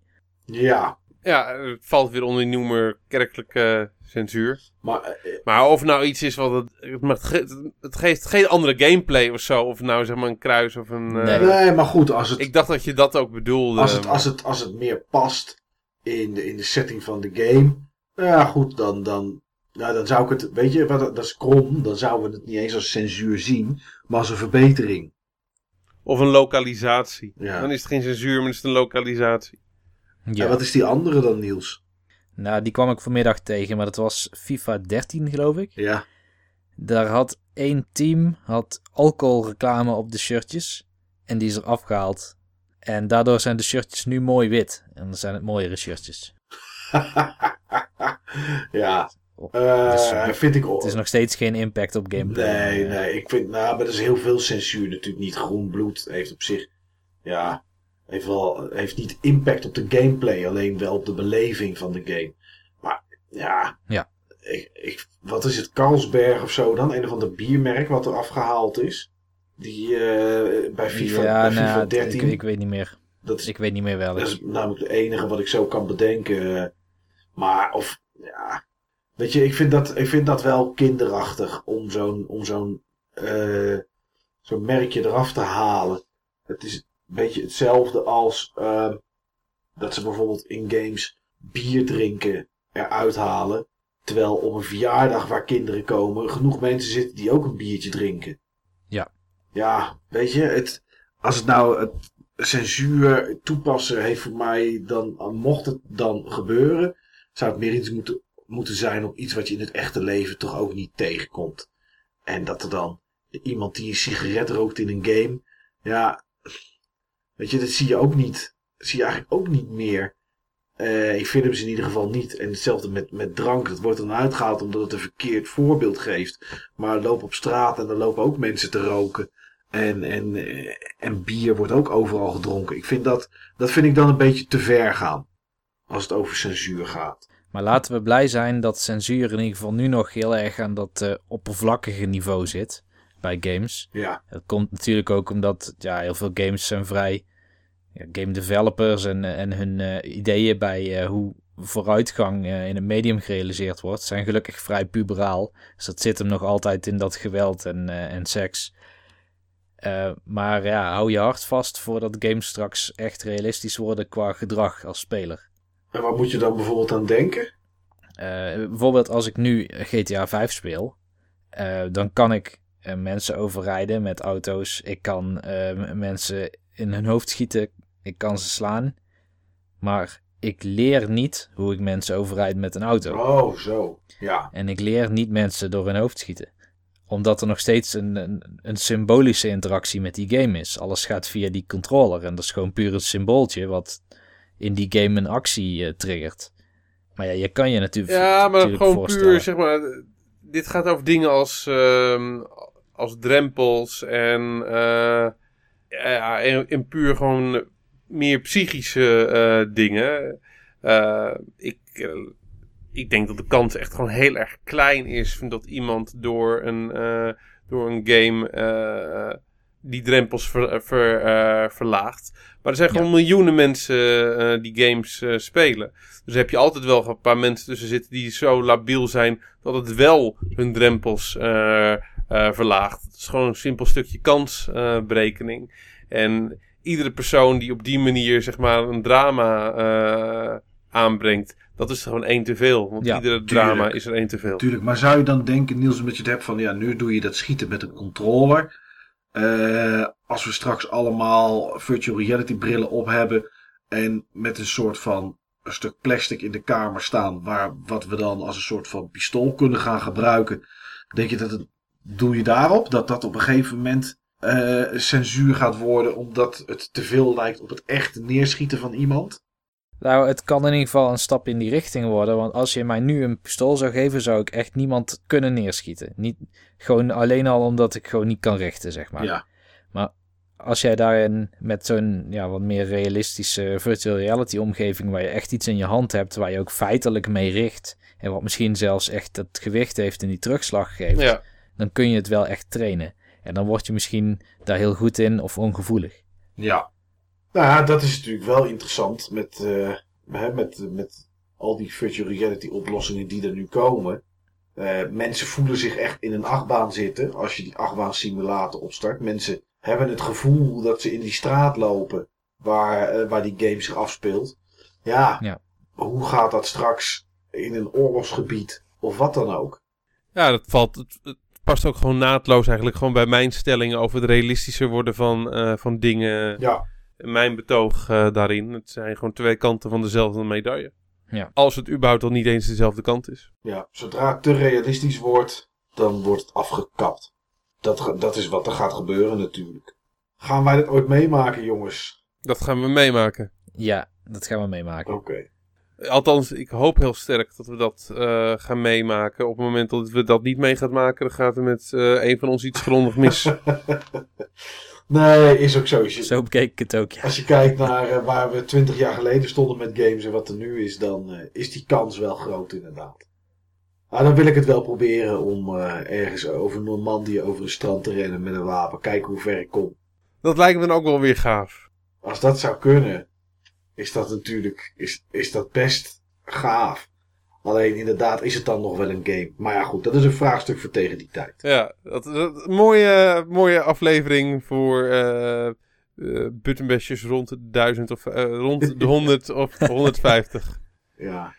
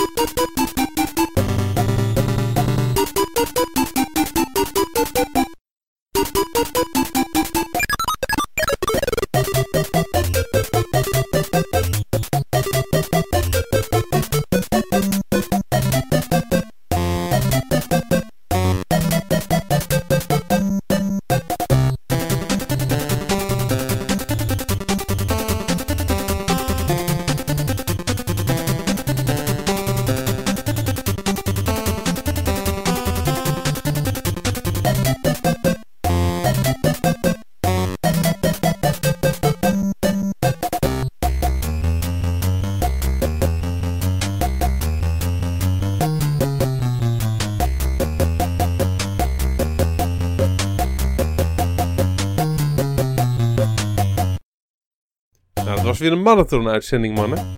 Ja, maar wel met een onderwerp wat alle kanten op kan schieten. Dat je denkt eigenlijk van ja, de ene keer wel bloed, de andere keer niet bloed. Maar ja, zoals we er nu toch achter zijn gekomen, zit er een moreel iets achter. En dan blijken wij toch in één keer eh, ook gewoon op eh, rondom 10 niveau te kunnen discussiëren. Ja, ja, onze meningen gingen ook alle kanten op. En het was ook duidelijk dat ieder- iedereen, dat eigenlijk niemand er heel erg eh, zwart-wit in staat. Nee, we hebben allemaal onze grenzen. We hebben allemaal onze grenzen en dat is maar goed ook. Ja, En dat is is, goed ook. is ook zo. En deze podcast heeft ook zijn grens, zijn tijdslimiet. En de- die hebben we inmiddels toch wel redelijk bereikt. Het was weer een lange podcast en de volgende podcast gaat ook een lange podcast worden. Die mag ook een lange podcast worden. Zeker nog, die moet ook een lange podcast worden. Want het is namelijk onze tweejarige jubileum podcast als podcast. Jeetje. Ja, Waar is de tijd? En, eh, Nou, dit, kun- dit kunnen we wel terughalen, Steven, in eh, al die opgenomen. Al die Ja, dat kunnen, dat kunnen we wel terughalen, inderdaad, ja. Maar eh, we willen er ook een speciale podcast van maken. Een hele interactieve eh, podcast, waarbij we gebruik willen maken van onze volledige community.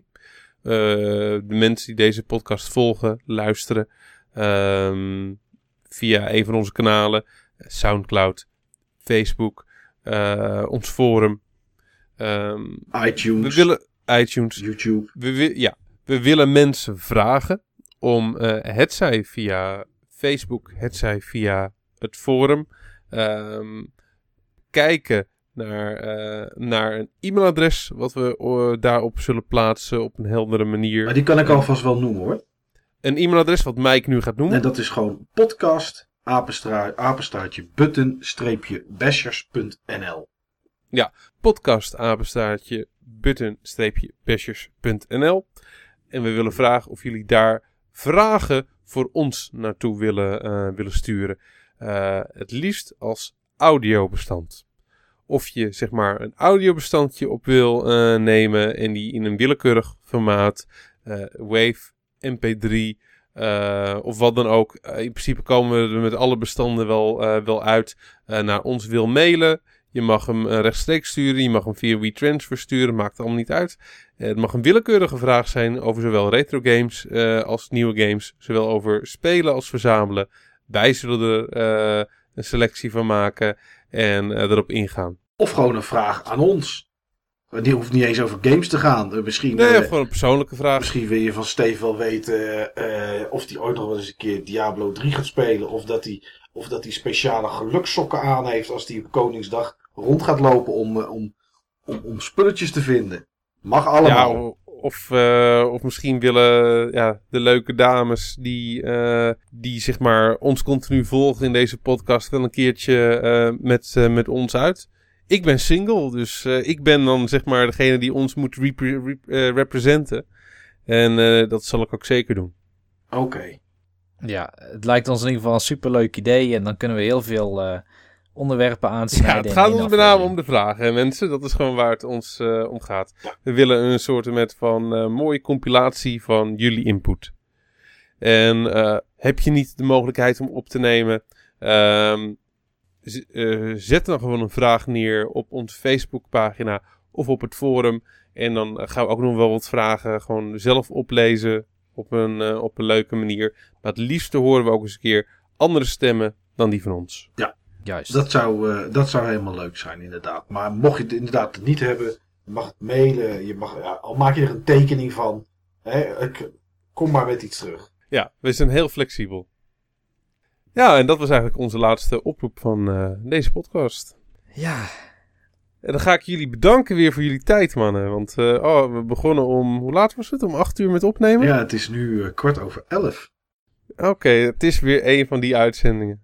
Ja, Veel succes met editen, Niels. Ik, eh, ik waardeer je tijd. En Mike, Ja. Mike waardeert die ook. ja, ja, hoef ik niet eens te zeggen. nee, Nee. ik weet het, ik weet Ja. het.